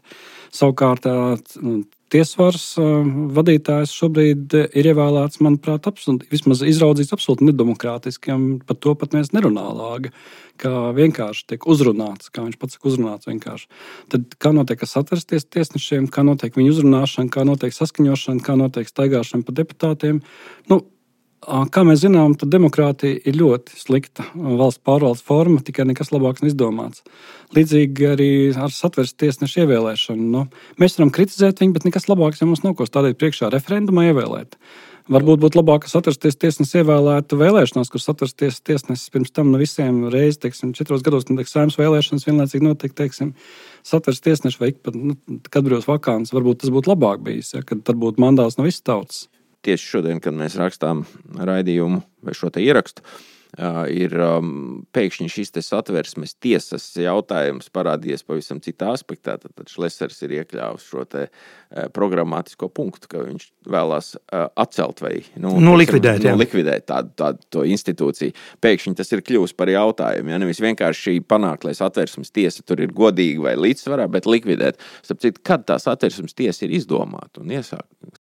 Šajā, šī gadsimta sākumā pašā. Bet vai... tas ir tajā republikā, šajā, tas nav šīs. Šajā, šajā, šajā. šajā republikā satversmes tiesa ir ne visās valstīs satversmes tiesa, konstitucionāla tiesa, vai Latvijai vajadzētu atsevišķu satversmes tiesu. Es uzskatu, ka šai gadījumā man vismaz ar Šleserkungu, ar kur man droši vien tas vienīgais domas, kas sakrīt, ir par to, ka satversmes tiesa nebūtu jābūt atsevišķai iestādēji. Es uzskatu, ka augstākajai tiesai vajadzēja būt četriem departamentiem, kas ir nodalīti dzelzceļa priekškara. Proti, divi departamenti būtu civilietu un krimināla departaments, no otras divi administratīvo lietu un satversmes un konstitucionālo lietu departaments. Kāpēc nodalīt dzelzceļa priekškaru? Tāpēc, ka mēs esam speciāli. Tā kā mēs izveidojam administratīvo tiesu, mēs viņu pārcēlām uz citu adresi. Administratīvā rajona tiesa, administratīvā apgabala tiesa ir cita adresē nekā pārējās tiesas, lai cik tas nebūtu neefektīvi no telpu lietošanas viedokļa. Bet tas ir tāpēc, ka citi principi krimināllietās un civillietās ir sacīksti, kur attiecīgi sacenšas attiecīgi vai nu puses, vai nu prokurors ar aizstāvību. Un tiesnesim ir jāklusē, jāskatās, kā tie divi sacenšas un jāpiešķir uzvaru jāpiešķir uzvaras tā kā boxā. Nu, šajā vinnēji tu, šajā vinnēji tu, šajā vinnēji tu. Un šiem tiesnešiem līdz ar to jāiemācās tiesas sēdi vadīt tieši tā kā amerikāņu filmās, kur tikai dod vārdu. Dod sodu par sliktu uzdiešanos zālē, nedod vārdu, atļauj liecinieks, neatļauj, atļauj dokumentu iesniegt. Tiesnesis tikai izvērtē un pieņem lēmumu par to pieteikto lūgumu. Administratīvā procesā un satrasties procesā visu dara tiesa. Tiesa pat izdomā kādi būs liecinieki, kam prasīs jautājumus, ko darīs, vai vispār skatīs lietu, vai neskatīs lietu, vai uzreiz pieņems lēmumu, vai uzreiz piešķirs uzvaru vienai vai otrai pusē, tā kā es par krimināliem runāju. Administratīvs var uzreiz piešķirt uzvaru tev, tu aizsūt pieteikumu. Viņš saka, viņš tik acīm redzot labs, ka tu uzreiz piešķir uzvaru, tu vinnēsi. vai otrādi, viņš tik acīm redzot slikts, ka tu zaudēsi. Līdz ar to es uzskatu, ka vajadzēja būt šiem četriem departamentiem kur aiz dzelzceļa priekškara ir divi departamenti, kur tiesneši paši vāc pierādījumus, un divi departamenti, kur tiesneši vada sacīkst, tā kā sporta sacīkst. Līdz ar to, protams, ka satversmes tiesa mums nebija vajadzīga atsevišķā mājā. Satversmes tiesa pilnīgi viennozīmīgi nebija jāorganizē pēc šādiem principiem, bet nu, ir kā ir. Tajā brīdī tas bija ārkārtīgi Ap to līdzīgi kā ar knābu izveidi. Tikpat labi tas knābs kā specializēta prokuratūra varēja būt ģenerāla prokuratūras nu, saka, ietvaros. Ja? Bet tika pieņemts lēmums, lai ir smukāk. Un, Un tad, kad uh, satversmes tiesai tai pirmajai uh, tika pārmesta bezdarbība, jo sākotnēji viņam tiešām nekas tur daudz nebija ko darīt, pirmās lietas, kas nāca, visas bija diezgan skaļas. Nekustamā īpašuma aģentūras dzīvokļu piešķiršanas lieta, mm, atcerieties, un, nu, tas ar Moti, Moti, Jāni Moti saistītais viss. Tā ir satversmes tiesas viena no pirmajām, pirmajiem uznācieniem publiskajā telpā. Caur to arī nu, viņi iezīmēja savu šo vietu, nu, kā lai saka, visā gan juridiskajā, gan publiskajā telpā. Es labprāt šajā sakarā pievilktu, pievilktu Normunda viedokli, dabūt uz tādu jautājumu kā izmeklēšanas prokuratūras un tam līdzīgu iestāžu rīcība ar pieejamiem pierādījumiem, kuru cilvēki, kas kritiskāk pieiet šīm lietām, varētu saukt par manipulāciju. Tas ir tā vietā, lai uzrādītu apstākļus un izveidotu notikušā ainu, kas maksimāli atbilst realitātei, iespēju robežās, tiek piemeklēti tie dokumenti, kas apstiprina kaut kādu vienu iespējamu redzējumu ar pieņēmumiem, un tiek pilnībā ignorēti pierādījumi, liecības, varbūt pat rakstiski dokumenti, ieskaitot valsts pārvaldes līmeņa dažādus saraksti, kura rāda pilnīgi pretējo. Te pieminētajā Maksimas lietā tur bija tās lietas par tām būvkonstrukciju modifikācijām, kur aizstāvības apgalvojumā bija, ka prokuratūra pilnībā ignorējusi uzkrītoši viņas hipotēzē neatbilstošus materiālus, kas bija prokuratūras rīcībā un bija viņas arhīvā. Viņi tīšprātīgi to nedeva un arī nepiedāvāja aizstāvībai iepazīties ar tiem pašā tajā nu, izmeklēšanas laikā. Kā, kāds ir tavs iespējas par to, te, par līmeņiem atkal? Policija, prokuratūra, tiesa, satversmes tiesa. Kā, kā tur ir ar šiem jautājumiem? Kā jūs teicat, Rīgā, Rīgā policija ir patiešām ir kārtīgi reorganizējusies un, un patiešām varētu cerēt, ka Rīgā viss būs kārtībā. Valsts policija runājot. Pašvaldības policija sen Rīgā strādā ļoti labi, bet tā neskata krimināla lietas. Par manipulāciju. Tu trāpīji tā kā naglos galvas. Es vakar tiesā sēdēju divas stundas runāju par manipulāciju pierādījumiem. Un Rīgas Rēmties priekšsēdētāja norādīja man lūgumu izprasīt no policijas visus lietas materiālus, norādot uz to, ka kratīšanas protokolā nav rakstīts, ka, piemēram, izmantots fotoaparāts. Mēs sakām, kā liecinieki, viss ir lietas, kratīšanas laikā ir fotografēts viss. Kratīšanas laikā ir fotografēts, pārbaudīt visu attēlu un pēc fotogrāfiem taisīts kratīšanas protokols. Un man tiesnesis saka, nē, protokolā tas nav rakstīts. Protokolā rakstīts, ka tehniski līdzekļi izmantoti. Līdz ar to šīs fotogrāfijas būtu bijis simtprocentīgi pa labu maniem klientiem, apsūdzētajiem. Līdz ar to šobrīd mēs lūgsim, šodien es droši vien nepaspēju, bet rīt droši vien lūgsim kriminālu procesu par to pašu manipulāciju pierādījumiem.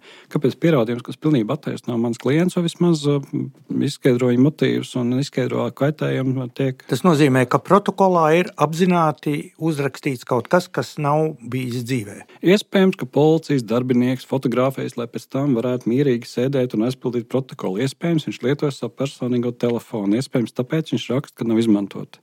Šie kratīšanas protokoli es pats esmu ar knabu līdz pat krimināla procesiem pret knabu lūdzu. Protams, viss krimināla process tiek izbeigts, dismāra tiek izbeigts, pateikt vienkārši tehniska nolaidība. Protokolā nav ierakstīts, kāpēc paši nepieminiet. Protokolā, ja, ja nepiemina advokāts kaut ko, kas advokātam par labu, tad advokāts jūs pats nesat pieminējis, visas vilcieni aizgājuši. Ja prokuratūra, policija vai kas cits kratīšanas laikā nav kaut ko pieminējuši, šī kļūda nenovērš protokola satura kvalitāti, nepierāda, viss ir tāpat izņemts. Kāpēc izņemts, kāpēc izņemts tās pašas lietas pie, pie jūrmālas mēra ārā? Nu, es nesaprotu to laiku, piedodiet, es nezinu, kā var lietas izņemt ekonomiskā noziegumā. Man vakar bija krimināla lieta par to, ka cilvēki atrada maku. Cilvēki brauc no bērniem, apbērēja savu mammu, un cilvēki brauc un, un paņēma pārtiks grozu veikalā, aizbraucot iekšā un konstatēja, ka grozā ir sveša soma ar maku. Un, Viņa lielākā kļūda bija tā, ka viņi bija tik apjukuši, ka viņi nolēma, ka tā summa nevērtīga, un to maku viņi nolēma atdot īpašniekam. Izņēma no summas, aizbrauc mājās, saskaņā likumiem septiņas dienas ir jāatrod īpašnieks, jāsaņem trešdaļa atlīdzības apmēram no tā maksas satura. Pēc, pēc dienas jau mājā bija četri policisti, un, un, un viss arestēja par uh, maku nozagšanu no summas makiem. Tad uz jautājumu, vai mēs varam iekrist, vai mēs varam iekrist, nepārtraukt mēs varam iekrist. Ja jūs atrodat maku, kas jums jādara? Jāzvan jums no telefona. Kāpēc jāzvan? Jūs drīkstat doties mājās, atrast mantu, ja jāstāv uz ielas tā manta. Jums jādod to, ko policija iecirkņa, taču nē, civil likuma rakstīts septiņu dienu laikā jāmeklē pašam, jāiekasē trešdaļa atlīdzības un jādod. Un, un, un tad jautājums, vai, vai stāvvieta ir vieta, kur maksā atstāt bez uzraudzības? Ja skaidrs, ka valsts pēc stāv stāvvietā, tad viņš atstāt bez uzraudzības. Tas nav pazaudēts, bet nu, maksas ir stabili pazaudēts. Viss šis mazās nianses, nu, viņas nu, nevar normāls cilvēks vienkārši zināt, kā uzvesties par to pašu ceļu satiksmes negadījumu. Kad jūs drīkstat braukt prom, mums ir no padomu savienības palicis ceļu satiksmes noteikumi. Mums ceļu satiksmes noteikums nav pieņēmusi saima pretēji Igauniem. Mums ministrs kabinets pieņems ceļu satiksmes noteikumus. Iedomājieties, ministrs kabinets pieņem ceļu satiksmes noteikumus un saima pieņem likumu par sodīšanu par pārkāpumu. Tas ir kā? Tas ir kā? Kā var saimnes likumā būt norādīts sots par apakšā organizācijas, zemākas organizācijas ministra kabineta izdot noteikumu pārkāpumu? Piekam paši tie noteikumi jau pēc būtības, viņam ir likuma spēks, vai ne? Nē, nu viņi ir uz dēļiem pamat izdot. Uz dēļiem pamat nu, un, un tad jautājums, jā. mums taču noteikumos ir rakstīts, mums taču palikuši visi padomu tēzes šais noteikumos. Mums rakstīts, ka tev ir jāzvana pēc ceļa satiksmes negadījuma, jāsauc policija. Bet neko nav rakstīts, ka tev obligāti jābūt telefona mašīnā. Tu esi redzējis, kāda ceļa būdiņu uz ceļiem, tu esi redzējis uh, uz lieliem ceļiem, vismaz tā kā Vācijā kādreiz bija, tagad jau vairs nav. Līdz ar to, ko nozīmē jāzvan un kāpēc vispār? Ja mēs dzīvojam 32 gadu tiesiskā valstī un mums ir civiltiesiska apdrošināšana likt pamatā pie viegliem satiksmes negadījumiem, un vainīgo nosaka nevis policija, līdz ar to jau 30 gadu vainīgo nosaka nevis policija, bet apdrošinātājs, jo viņš ar savu maku maksā. Viņš maksā, līdz ar to viņš pasaka, kurš ir vainīgs. Iedomājieties, saskrien divas mašīnas. Vienā mašīnā pie stūra divu promīļu reibu, otrs pie sarkanās braucas. Nu, kāda jēga policija saukt no vienas puses? Nu, ja, ja ir maznozīmīgs pārkāpums, nu, lai saņemtu abi sodu, viens pie sarkanās brauc, otrs piedzēries brauc, bet cēloņa sakrība, kura dēļ bija uh, satiksmes negadījums, noteiks apdrošinātais, jo viņiem būs jāmaksā. Tad jautājums, es ceru, ka man piedos man draugu apdrošināšanas asociācijas vadītāji. Uh, Nu, protams, ka uh, viņiem tas ir izdevīgi, ka mēs aizvien uzturam šo padomu sistēmu, ka policijas brauc par nodokļu maksātāju naudu, sastāv protokolu, kur katra mašīna atnākusi, pēc tam nosūta apdrošinātājiem, kuram nav nekas jādara. Kuram viens izbrauciens mazāk. Bet, uh, bet mēs taču visi ciešam. Viņš kamēr tās divas stundas gaida to policistu. It kā likumā rakstīts, ka iespējams jāatzīmē vietas, tur riteņiem vai kas cits, bet vispār priekš kam? ja tas telefons, ar kuru tu izsauc policiju, tev ir, tad tev arī fotoaparāts viņai ir. Ja tev ir fotoaparāts, var nofotografēt. Priekš kam saukt policiju? Kāda mums tautsaniecība radās zaudējumi par katru mazāku avāriju uz Valdemāra ielas, uz Čakielas? Kāda mums zaudējumi, kas stāv uz Rīgas? Paskaidām, katra mašīna stāv, skolotājs, ārsts, politiķis. Jā, bet veca, veca mīlestība mirst lēni. Man te pirms kāda laika bija jā, jāpalīdz aizpildīt anketa pieteikumam akreditācijai saimā, žurnālista akreditācijai. Rīgas laiks mani akreditēja. Un, nu, es te apskaties kādreiz to anketu, tur var pārsmieties, tur ir faksis jāuzrāda. Teiksim. Viņi nav, nu, nav derīgi, ja tu neesi fak, faks numuru tur ielicis. Ja. Nu, tieši tāpat kā man augstākā tiesā pašlaik lieta par to, vai tiešām nodokļu maksātājiem vajag bankas kontu. Jo ministrs kabinets pašlaik un uh, paralīli likumdevējs visur bakst visos likumos, kad Latvija sadarbosies tikai cilvēkiem, kuriem ir bankas konts. Tu nevari principā vairs būt uzņēmē darbībā. Tu nevari neko darīt, ja tu nav bankas konta. Tad kurā, kur ir tā vieta, kur banka konts izsniedz? Kāpēc, ir, kāpēc man jānoslēdz līgums ar kaut kādu citu privāto tiesību subjektu banku? Lai es vispār drīkstētu būt Latvijas nodokļu maksātājs un reģistrēties PVN reģistrā. Lai prasību tiesā iesniegt, man vajag parādīt līgumu. Lai es iesūdzētu mārciņu tevi tiesā, man vajag parādīt līgumu banka tiesai. Ja man no līguma banka, man nedrīkst to sūtīt tiesā. Jo saimē ievies likumā, cilvēks likums 108. pantā grozījums, ka tikai cilvēki, kuriem ir bankas konts, drīkst tiesā vērsties. Arī tādā ziņā mēs esam diezgan daudz kur aizskrējuši, pateicoties iespējams arī lielu saimniecisku interesu dēļ, nu, piemēram, tev nav iespēja norēķināties par eh, elektrību bez bankas. Kāpēc nav? Kurā vietā? Čeka likuma nocelsnieks. Jā, bet. Viņš tas, to likumu gan Nulmans pieņēma, tagad disklo viņš eksistē, bet nu, viņš skaitās. Pieņems. Līdz ar to čeku resūtīt. Nu, kā saka, novēl sekmes, jā. Tikai, nu, tev pieslēgs pēc sešu mēnešu un ar simts latu sodu to elektrību. Tas ir. Pēkšņi izrādās, ka visiem norēķiniem, kas kādreiz bija, ja tu kādam esi parādā, nav svarīgi, kam vai Latvijas energo vai kolhoza tirgū par, par cūku apzīmogošanu. Tu aizej pie kases un samaksā, vai arī izmanto citu metodi. Šobrīd tas aizej pie kases, samaksā, pasteidzamies sarakstus.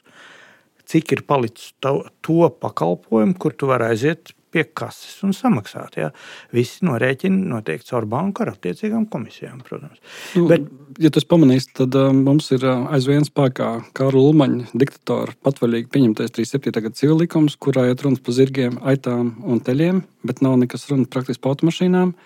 Un, un mums vispār līdz ar to nav pieņemts Latvijas likums par naudu un nav likums par bezskaidru naudu. Uh, Jā, protams, mums ir kredīti iestāžu likums, bet tas stāsta, kādas var kredīti iestādes darboties Latvijā. Tas nekad neatiec uz jautājumu.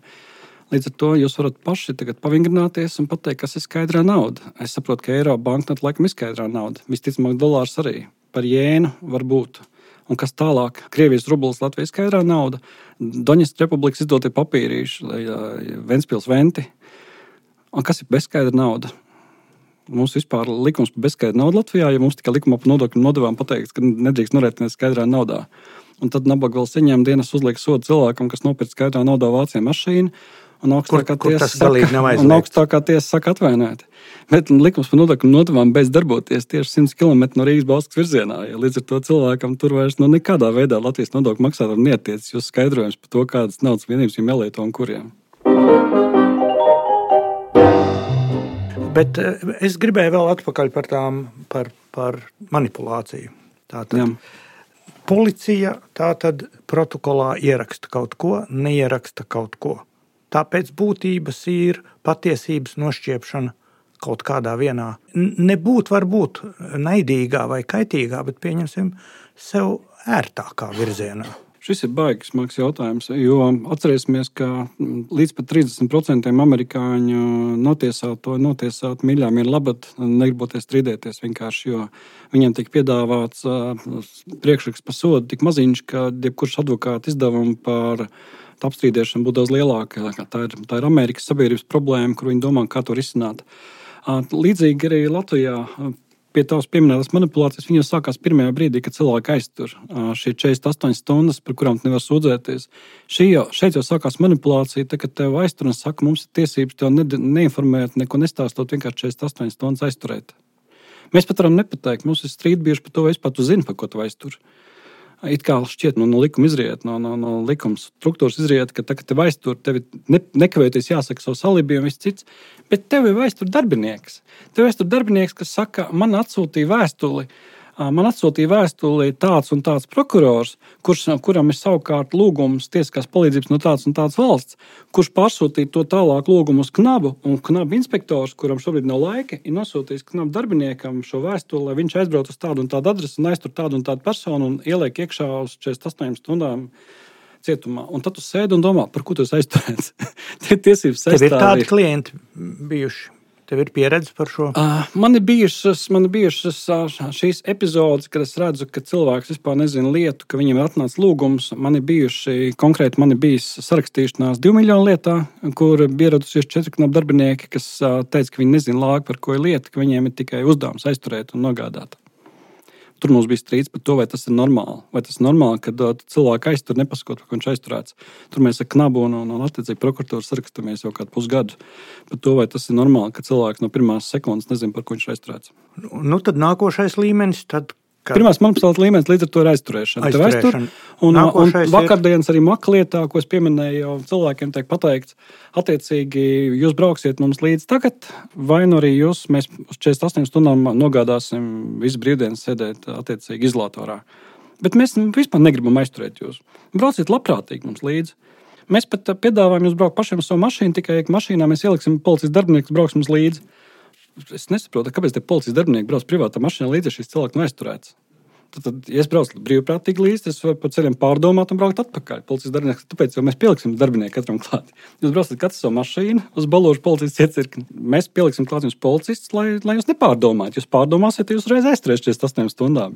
Tad, tad sākās jau šī manipulācija likuma no paša sākuma. Tas ir, tā ir manipulācija. Tā ir manipulācija. Vienlīgi viennozīmīgi šī manipulācija, kas lielā mērā tiek tolerēta un visā pasaulē atļauta. Tad, tad manipulācija, kad uh, es esmu aizturējis par, par aizdomās par uh, slepkavību. Vakar ir, teiksim, Jēkabīlī kāds noslepkavots, es to aizturu par slepkavību. Un tu nesaucot advokātu, uzreiz lepni saka, rekomendācija vilciena biļete, un četri liecinieki, kas bija slokā. Saka, iekriti. Mums slokā vakar kiosks apzakts. tu no bailēm, ka, ka šī lieta par slepkavību, tu uzreiz viss tās, tas bija slokā. Man bija Juris vēl un Pēters, viņi var liecināt. Saka, iekriti. Tu nemācies filmā, ka mums ir tiesības melot. Ir jautājums, kurā manipulācija ir atļauta, kura nav atļauta. Šī sacīksta. Es šeit varbūt biju domājis nākošā līmeņa, tas, ko es pieminēju, te, uh, Ma- Maksims lietā un, un uh, kaut vai uh, tajā pašā digitālās televīzijas lietā prokuratūras rīcībā bija dokumenti, kas uzrādīja nepārprotami cieti dokumenti, parakstīti dokumenti, ka pati uh, apsūdzības hipotēze par krāpšanu ir aplama. To pierāda rakstiski dokumenti, kas bija prokuratūras rīcībā, kur tā vietā izvēlējās uzturēt tur 11 gadu garumā eh, prasību tiesā, kuru galu galā, galu galā pašlaik ir otrā instancē zaudējusi. Ja. Man, manuprāt, šāda prakse prokuratūras līmenī ir nu, ļoti bīstama.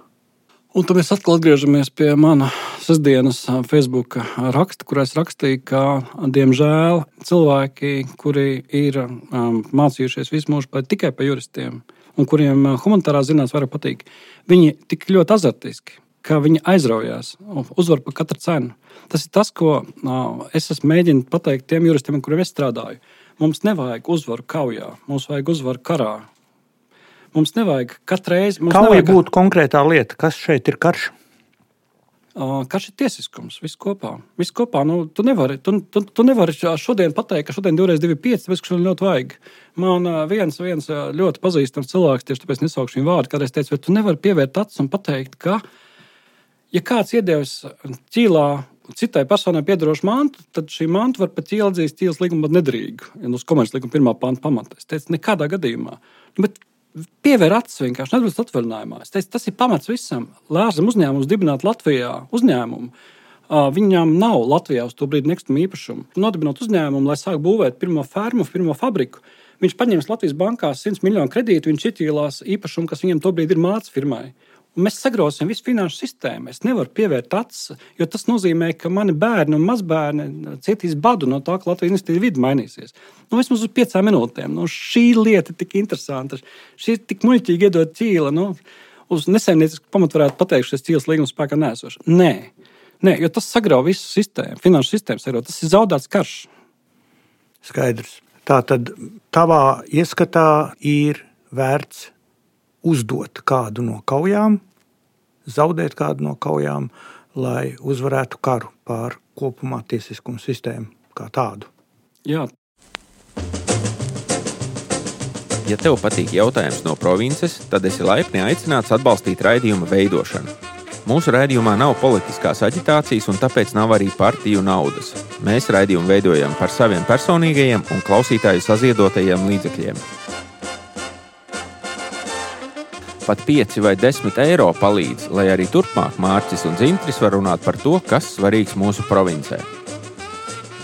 Pogu, ko nospiest, lai dotu savu ārtavu raidījumu veidošanai, tu atradīsi šīs sērijas aprakstā. Kāds sakars šai situācijai, vai kā politika ietekmē šo situāciju un kā tas, kas šobrīd notiek, nu, burtiski šobrīd, šogad, kā, tus, kā tas izskatās, uz kuru pusi mēs ejam un kas mums pēc nākamajām vēlēšanām varētu mm, spīdēt tiesiskumu Jā. Šeit mēs atgriežamies par karu un kauju. Jo iedomājieties, ka mēs šodien ar jums nozīmētu kontrolierus, kas, kas kontrolē mūsu uzvedību. Nu, mums nevienam nepatīk kontrolieri. Ja mēs ievēlētu kontrolieri, tad visticamāk mēs jums ievēlētu kontrolieri, kas ir akls, drusciņš kurls un, un, un reti vispār spēj iznākt no mājas ārā. Tas ir īstais kontrolieris, kas, kas mūs kontrolēs. Jā. Līdz ar to no šeit mēs atgriežamies pie jautājuma, kad mēs liekam kādā amatā kā cilvēku, vai mēs liekam to, kas būs vislabākais amatā. Bet tomēr diametrāli pretēji, tā lai, mēs, lai viņš mums pilnībā der. Ja tā ir akcijas sabiedrība, tad mēs liekam visos postiņos, tā kā es apmēram teicu, mēs liekam visos postiņos tā, lai ilgtermiņā akcionāri mēs kā ievēlam, tā lai mums būtu izdevīgi akcionāriem.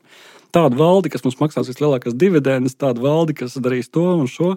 Mums ir savas intereses, katram pirmās savas intereses.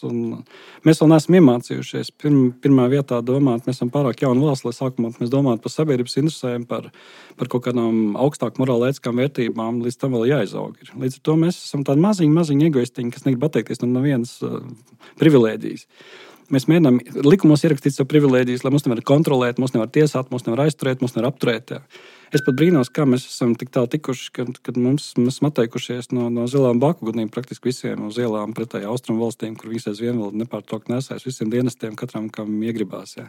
Līdz ar to mēs augam, protams, mēs augam. Bet par politiku runājot, vai mēs liksim profesionālāko politiķu vai paklausīgāko?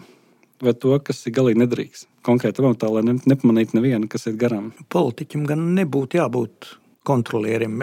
Tas jūri jautājums vairāk bija kas tagad notiek politiskajā vidē, jo mēs ir sāks kampaņa.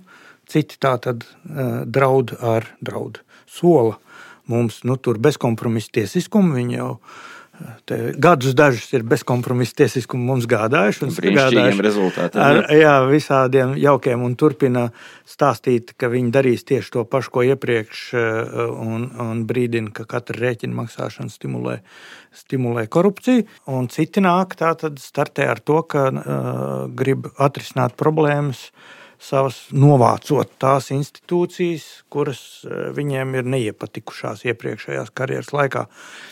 Bet nu, politiķi ir tie, kas attaino attiecīgo sabiedrības slāņu sapņus, domas, intereses, un proporcionāli tam tiks ievēlēti. Ja? Viņi ir un paliek priekšstāvji. Viņiem nav jābūt profesionāliem juristiem. Mums nav tādas prasības, ka katram deputātam būtu jābūt ar, jurista bakalauru. Ja? Viņiem būs jāizvēlas virkne nozīmējumu, Un mēs redzam, kā ir gājis ar nu, iepriekšējā kadencē ar nozīmējumiem, ar tiem pašiem satversmes tiesas tiesnešu balsojumiem. Galu galā ģenerāla prokurora ievēlēšana arī saistījās ar diezgan interesantu apspriešanu, un mēs tagad redzam viņa performanci. Vai tas ir tas, kur tu saskati cerību šajā karā, kā notiek šī amatpersonu izvirzīšana? Tu zini, dažreiz parādās cerības, dažreiz parādās cerības, ka mēs tiešām liksim amatā labāko, ka mēs tiešām nu, tas būtu līdzīgi, ka mums tagad. Iedomājieties, ka pilnībā bezdarba laikā tagad parādītos viena darba vieta, skolotāja darba vieta. Mēs saprotam, ka izglītība svarīga ir. Mums tad būtu jāizlemj, vai mēs liekam savas sievas, kuras ir izbadējušās, mums pašiem nav ko ēst, vai mēs liekam gudrāko, labāko, kas labāk mācīs bērnus. Mums to dilemmu būtu jāatrisina. Ja, ja, ja mēs tiešām domātu ilgtermiņā, tad mēs saprastu, ka mēs principā tāpat gribam nopelnīt, lai savus bērnus izaudzinātu par labiem cilvēkiem. Līdz ar to mēs liktu pa skolotāju nevis izvēlēt, nu, teiksim, mans sieva tagad būs, pēc tam tavs sieva varēs būt par skolotāju. Tas pats attiecās uz visām profesijām, un it sevišķi tiesību sargājušās struktūrās. Mēs piešķiram naudu, padarām procedūras vieglākas, lai viņas varētu strādāt, vai tieši otrādi. Mēs darām visu, lai kā pa celmiem kluptu un kristu visas, visas struktūras. Tā kā politiķiem nav. No, Tā ir izšķiršanās pa īstermiņa, video termiņa, ilgtermiņa mērķiem. Un šīs, šīs lietas, laikam, jāsliek kopā ļoti korekti, bet nu, kā viņam izdosies, pa bezkompromisu tiesiskam runājot, nu, neticu, neticu, neticu.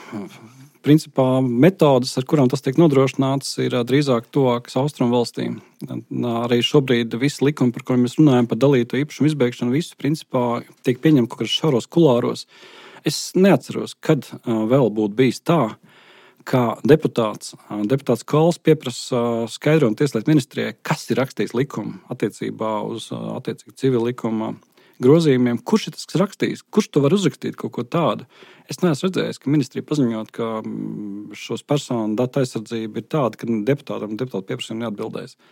Līdz ar to runājot par bezkompromisu tiesiskumu, nu, Tieslietu ministrija, nu, manuprāt, nu, galīgi, galīgi at, at, attālinās katru gadu tālāk, tālāk, tālāk no tiesiskuma.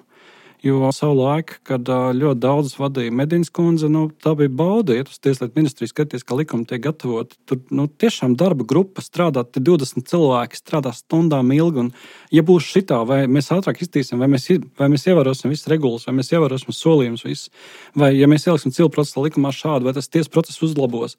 Tu redzi absolūtu be, nu, bezskaislīgu, bezinteresētību.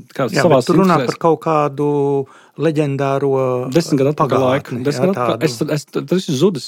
Šobrīd ir tā, ka, ja pieņem likums, ne, mēs jums neteiksim.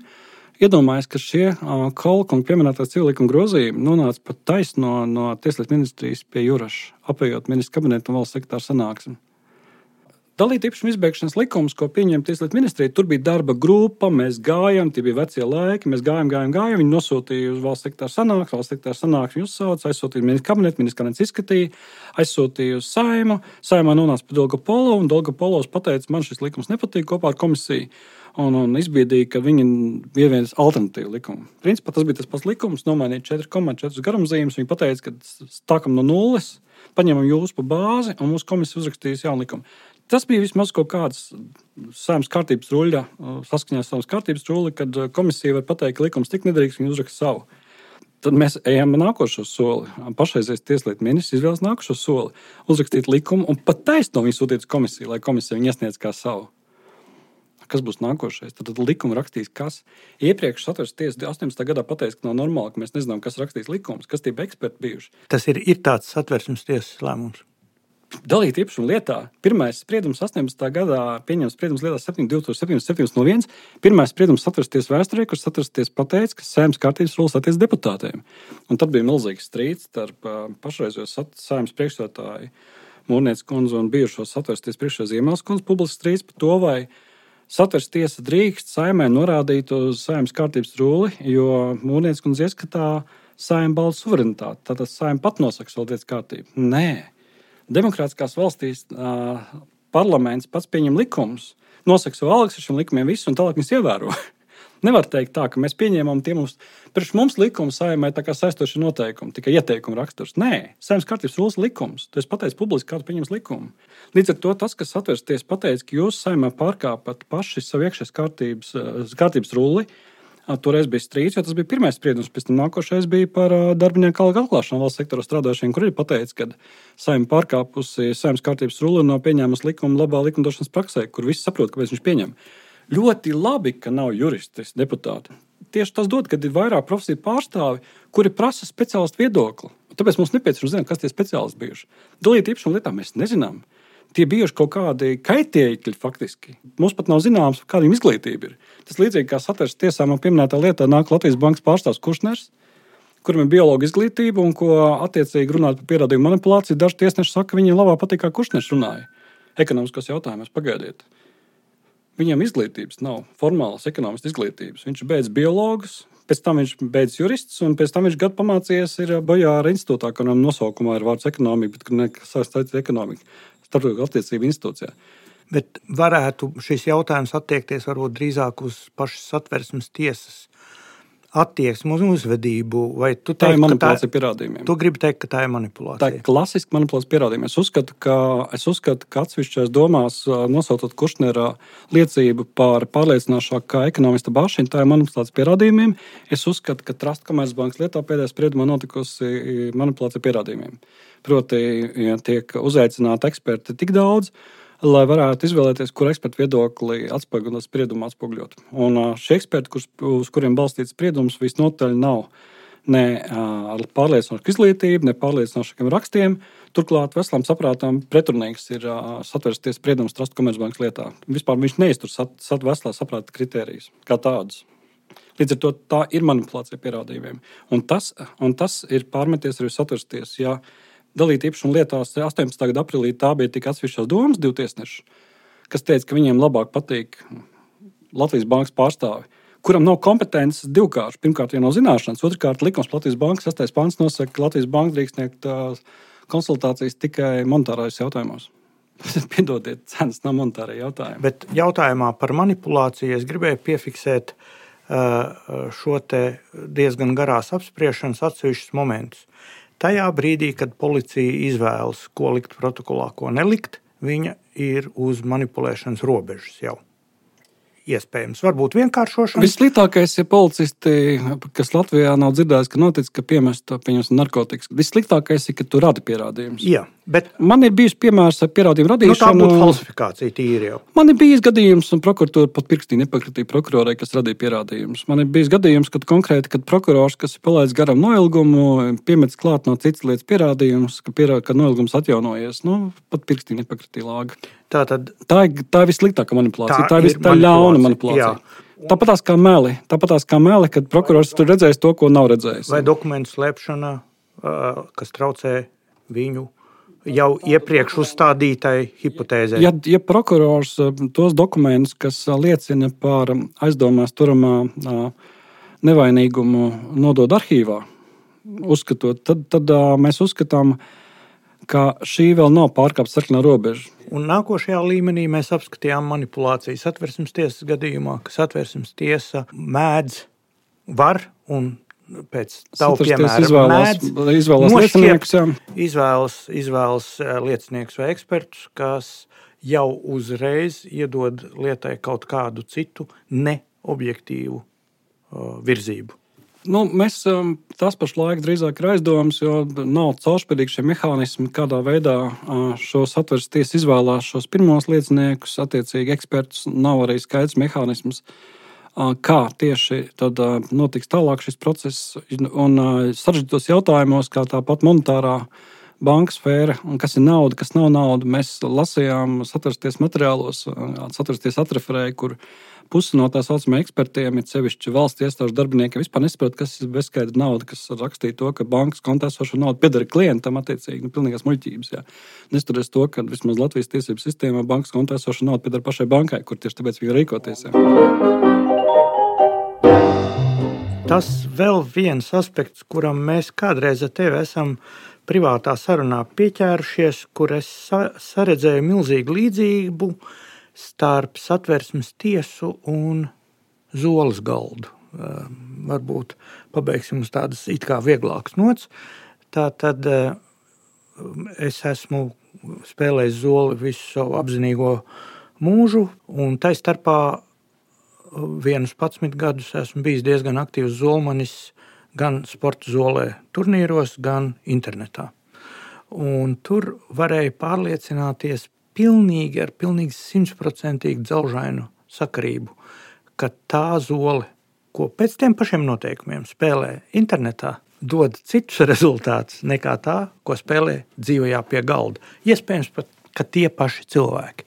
Jo internetā ir viena veida reakcijas, klik, klik, klik, klik tur lēkā kaut kāds ikons, varbūt kaut kāds chatiņš, kaut kas.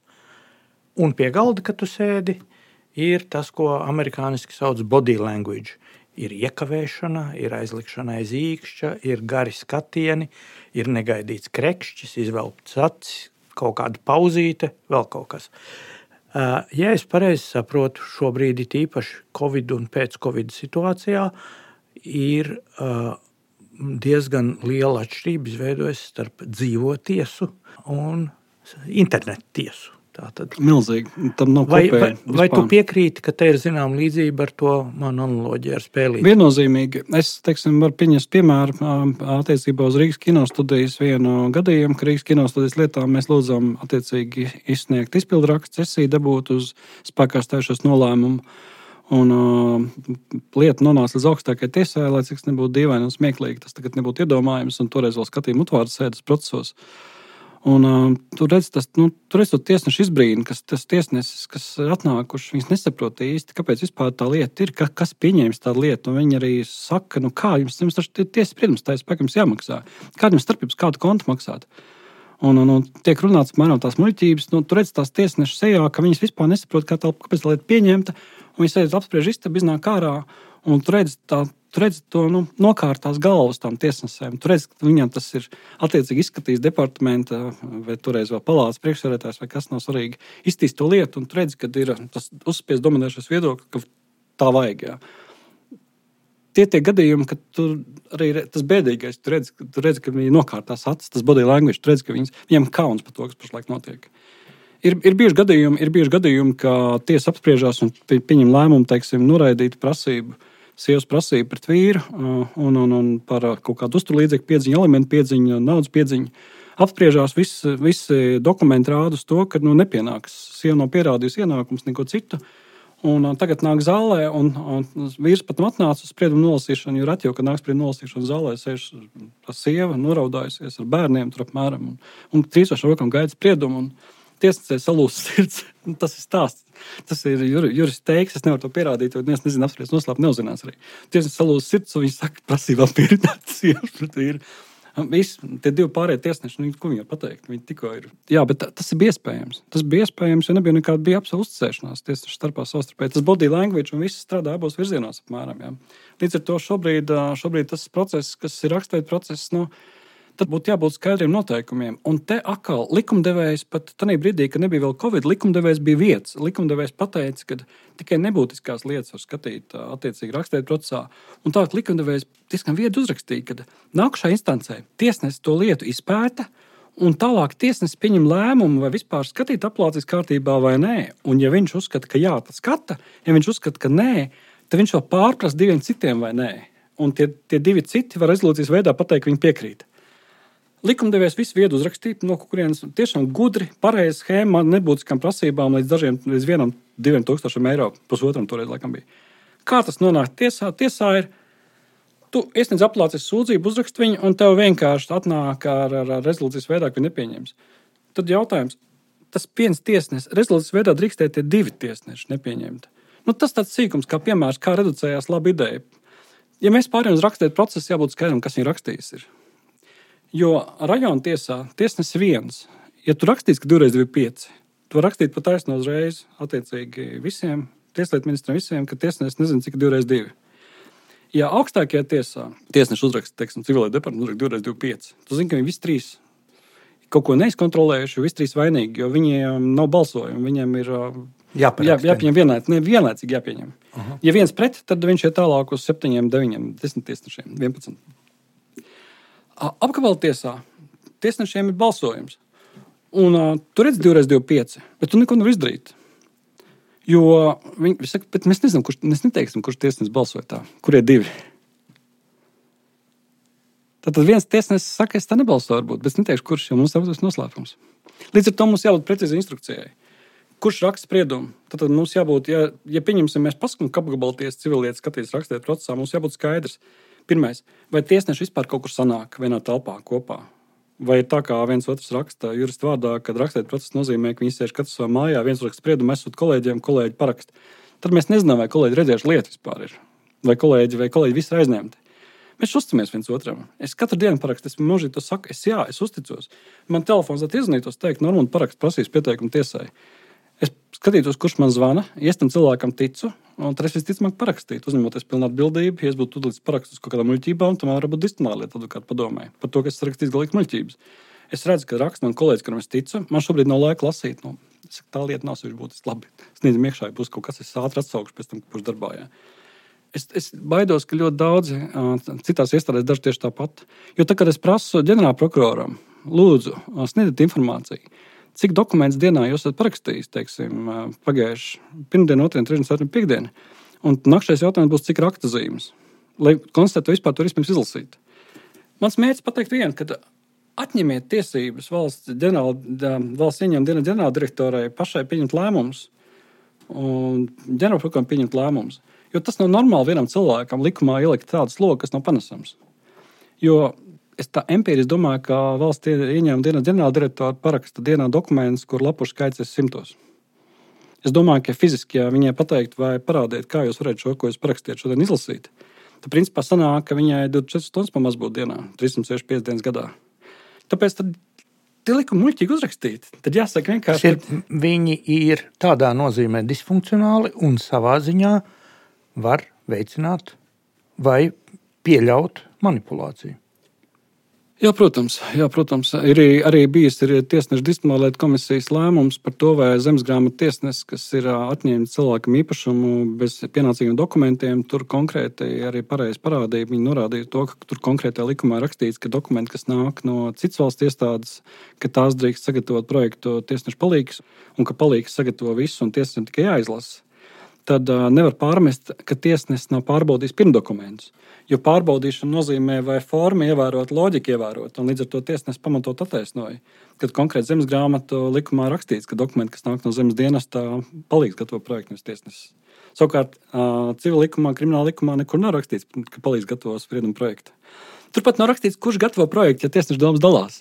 Iedomājieties, iedomājies, mēs te trietā pieņemam lēmumu, ir Juris vainīgs vai Jānis vai Pēters vainīgs vai nē. Mēs divi sakām, kad ir vainīgs pieņemsim, saka, nē, es vainīgs. Bet tā kā, tā kā saskaņā likuma tu esi referējušies, tev ir spriedums. Kāds viņu uzrakstīt, ja viņš pret to sirdsapziņu? Kāds viņu uzrakstīt? Līdz ar to katra tiesa tur izsina citādi. Kurš raksta spriedumu, ja, ja, ja, ja, tas, ja tas, kurš, kurš ir pret, ja viņš paliks mazākumā? Bet viņam jāraksta saskaņā likuma. Tas ir pilnīgi muļķīgi. Tāpēc likumā būtu precīzi rakstītams. Spriedumu raksta tas un tas. Izskat, rakstīt procesu, izskatīt tā un tā. Bet tā ir procedūra, kur šobrīd īstenībā es neesmu dzirdējis, ka tā tiktu apspriesta vispār šīs te, vispār tēmas par to, kā salikt visu procesu tādā veidā, lai tas būtu caurspīdīgs un novērst manipulāciju iespējas. Ja, ja rakstīt procesā skatu lietu, tad nu, principā varbūtība, ka visi tiesneši redzējuši visu lietas materiālus, ir principā iluzora. Varbūt, ka būs ēlieta, tad varēs skatīties un tā varēs. Līdzīgi kā es teicu par uh, valsts ieņēmuma dienas ģenerāldirektoru vai ģenerālprokuroru, kuram likums paredz parakstīt dienā tik daudz dokumentus, ka viņš teorētiski nevar izlasīt. Tad vai nu mums likumā jāieraksta iekšā par to, kāda procedūra un kurš tad īsti vainīgs par to, ka likuma projekts. Jo, starp citu, par policijām runājot, mēs sākam par policijām. Policijas, praktiski visas policijas iecirkņi Latvijā pārkāpj likumu un lēmumus paraksta iecirkņa priekšnieks lai gan viņam nav tiesības lāga parakstīt lēmumus. Teiksim, tu raksti policijas iesniegumu, tu saņem atbildi parasti no iecirkņa priekšnieka. Tālāk rakstīts sastādītājs. Vispār. Tas ir varbūt pareizi valsts pārvaldē. Bet uh, krimināla procesa neko tādu nepieļauj, pat aizliedz, jo ir jāparaksta procesa virzītājiem. Un tā, kad tur runā ar iecirkņu vadītājiem, policijas, viņi saka, jā, mums liela kadra mainība, lai mēs to kontrolētu, tad mēs aizliedzam pašiem policijas darbiniekiem rakstīt lēmumus. Jā. Parakstīt, nosūtīt. Tas, bet tas atkal ir, ir atkāpe praktiskuma virzienā, varētu tā teikt. Nu jā, bet, bet, bet tev taču tev pienākās procesa virzītāja lēmums. Jā, tev, no viņa pienākās. Lai tu viņu varētu atkal procesuāli apstrīdēt kaut kā. Nu, arī viņa parakstam jābūt, ka viņš atbild par to. Viņš ir procesa virzītājs, viņš uzņemas atbildību. Nu, kāds sakars ar kaut kādu konkrētu iecību priekšnieku, ka viņam tagad no rīta tagad uz galda sakrot čupu papīriem. Un viņš viņus un tagad viņš štancēja. Un pēc tam nelikumīgi, jo likums saka, jāparaksta procesa virzītājiem. Viņš nav procesa virzītājs. Cilvēks saka, kāpēc piesieties procesam? Process ir tā kā spēles noteikumi. Mums ir svarīgi, lai mums nevienam neinteresētu futbols, ja katreiz varētu spēlēt citādāk. Ja iesit golu, ah, nē, šoreiz neieskaitā. Kāpēc neieskaitā? Tāpēc, ka, tāpēc, ka tu, tu skaties uz pretējo pusē laikā. Ja? Tad mums jābūt precīzi, lai spēle būtu interesanta. Mums jābūt precīzi, precīzi noteikumi uzrakstītiem. Nu, iedomājam situāciju, ka tiesnesis nokāp lejā vai atnāk un saka, klausies, es ieteiktu jums šodien mēģināt pa kreiso pusiet. Ko tu sit vārdsargam kreiso pusi? Viņš kreisā kāja slimina. Sit par labo, par to pusi, ka viņš nevar aizskriet. Nu, iedomājieties situāciju, ka tiesnesis dod padomus. Tiesnesis jātiesā. Tu nevari vienlaicīgi dot padomus un tiesāt. Līdz ar to ir absolūti nepieņemama situācija, ka par runājušiem tiesnešiem, kas dod padomus likuma neparedzotos gadījumos. Kāpēc es saku likuma neparedzotos gadījumos? Jo nav jau tīra krimināla lieta, nav tīra civila lieta, nav tīra administratīva lieta. Ir lietas, kas pa vidu, teiksim, civil lietas par patentāts noteikšanu vairāk ir administratīvas lietas civilietas par uzturlīdzekļu piešķiršanas bērniem vairāk ir administratīvas, jo viņas jau ir bērnu interesēs. Līdz ar to tur vairs nav sacīksti. Tur var jautājums uzdot, un likums arī paredz uzdot jautājumus. Un gal galā izrādās, ka pusmiljons par ūdentiņu Jēkabpils cietumā e, no krimināla lietas tagad ir iebakstīts civil lietā, un e, mēs e, ziņas no Jēkabpils klausīsimies tagad ar lielu ieinteresētību ne tikai Jēkabpils varonīgāko politisko dēlu un meitu gaitas šajā vēlēšanu ciklā, bet arī kā soks nelaimīgiem pudeļu nodošanas biznesmenim. Taramāt pirātam, jā. jā. Un jaukajiem cilvēkiem no ieslodzījuma vietu pārvaldes, kuri ko viņi gribēja darīt ar to tamponēt turbumu. Ar tamponēšanu. Ūde, ūdens reizēm ir jātamponē. Es... Nē, nē, tā kā tu urpumu uztaisi, tad viņi lieto, un to beigās, lai zemē neietīgs vielas neietiekšā, tad tev vajag viņu tamponēt. Jā, es... Un nodot attiecīgi valsts vidas dienestam. Un... Man ir sajūta, ka mums arī šo raidījumu vajadzētu tagad. Sāk tamponēt. Notamponēt, jā, lai nepiesārņot ēteru par daudz. Un eh, cerībā, ka mēs izvairīsimies no krimināla lietas un ar, nu, ar civilajām mēs tiksim kaut kā galā. Jā, vismaz es ļoti ceru, ka es izvairīšos no jebkurām lietām, jo es tiešām te tikai sēdēju, viņi runāja, visu, ko viņi teica, to viņi teica, nevis es. Bet, eh, ja kāds klausītājs eh, tiešām jūtās ne tikai noguris eh, un, un līdz galam varbūt visu nesapratis, bet varbūt arī pat ieinteresēts. Droši var meklēt Normunda Šlītikas profilu Facebookā. Tur šīs lietas tiek garu plaši rakstīts. Nesaprotu, pa kuru laiku Normunds atrod to tur visu sarakstīt, bet tur ir visādi izklāst un visas šīs situācijas ik pa brīdim. Tā kā, ja esat ieinteresēti klausties ne tikai mūsu raidījumu turpmāk un speciālos izlaidumus par šādām citām tēmām, bet arī lasiet Facebook un īpaši Normunda Facebook. Paldies kungiem par sarunu. Ceru, ka jums vismaz pašiem jums bija interesanti. Paldies, paldies. Un nedaudz biedējoši. Labi, paldies. Vislabāk. Mm, labi, vislabāk. Outra vez.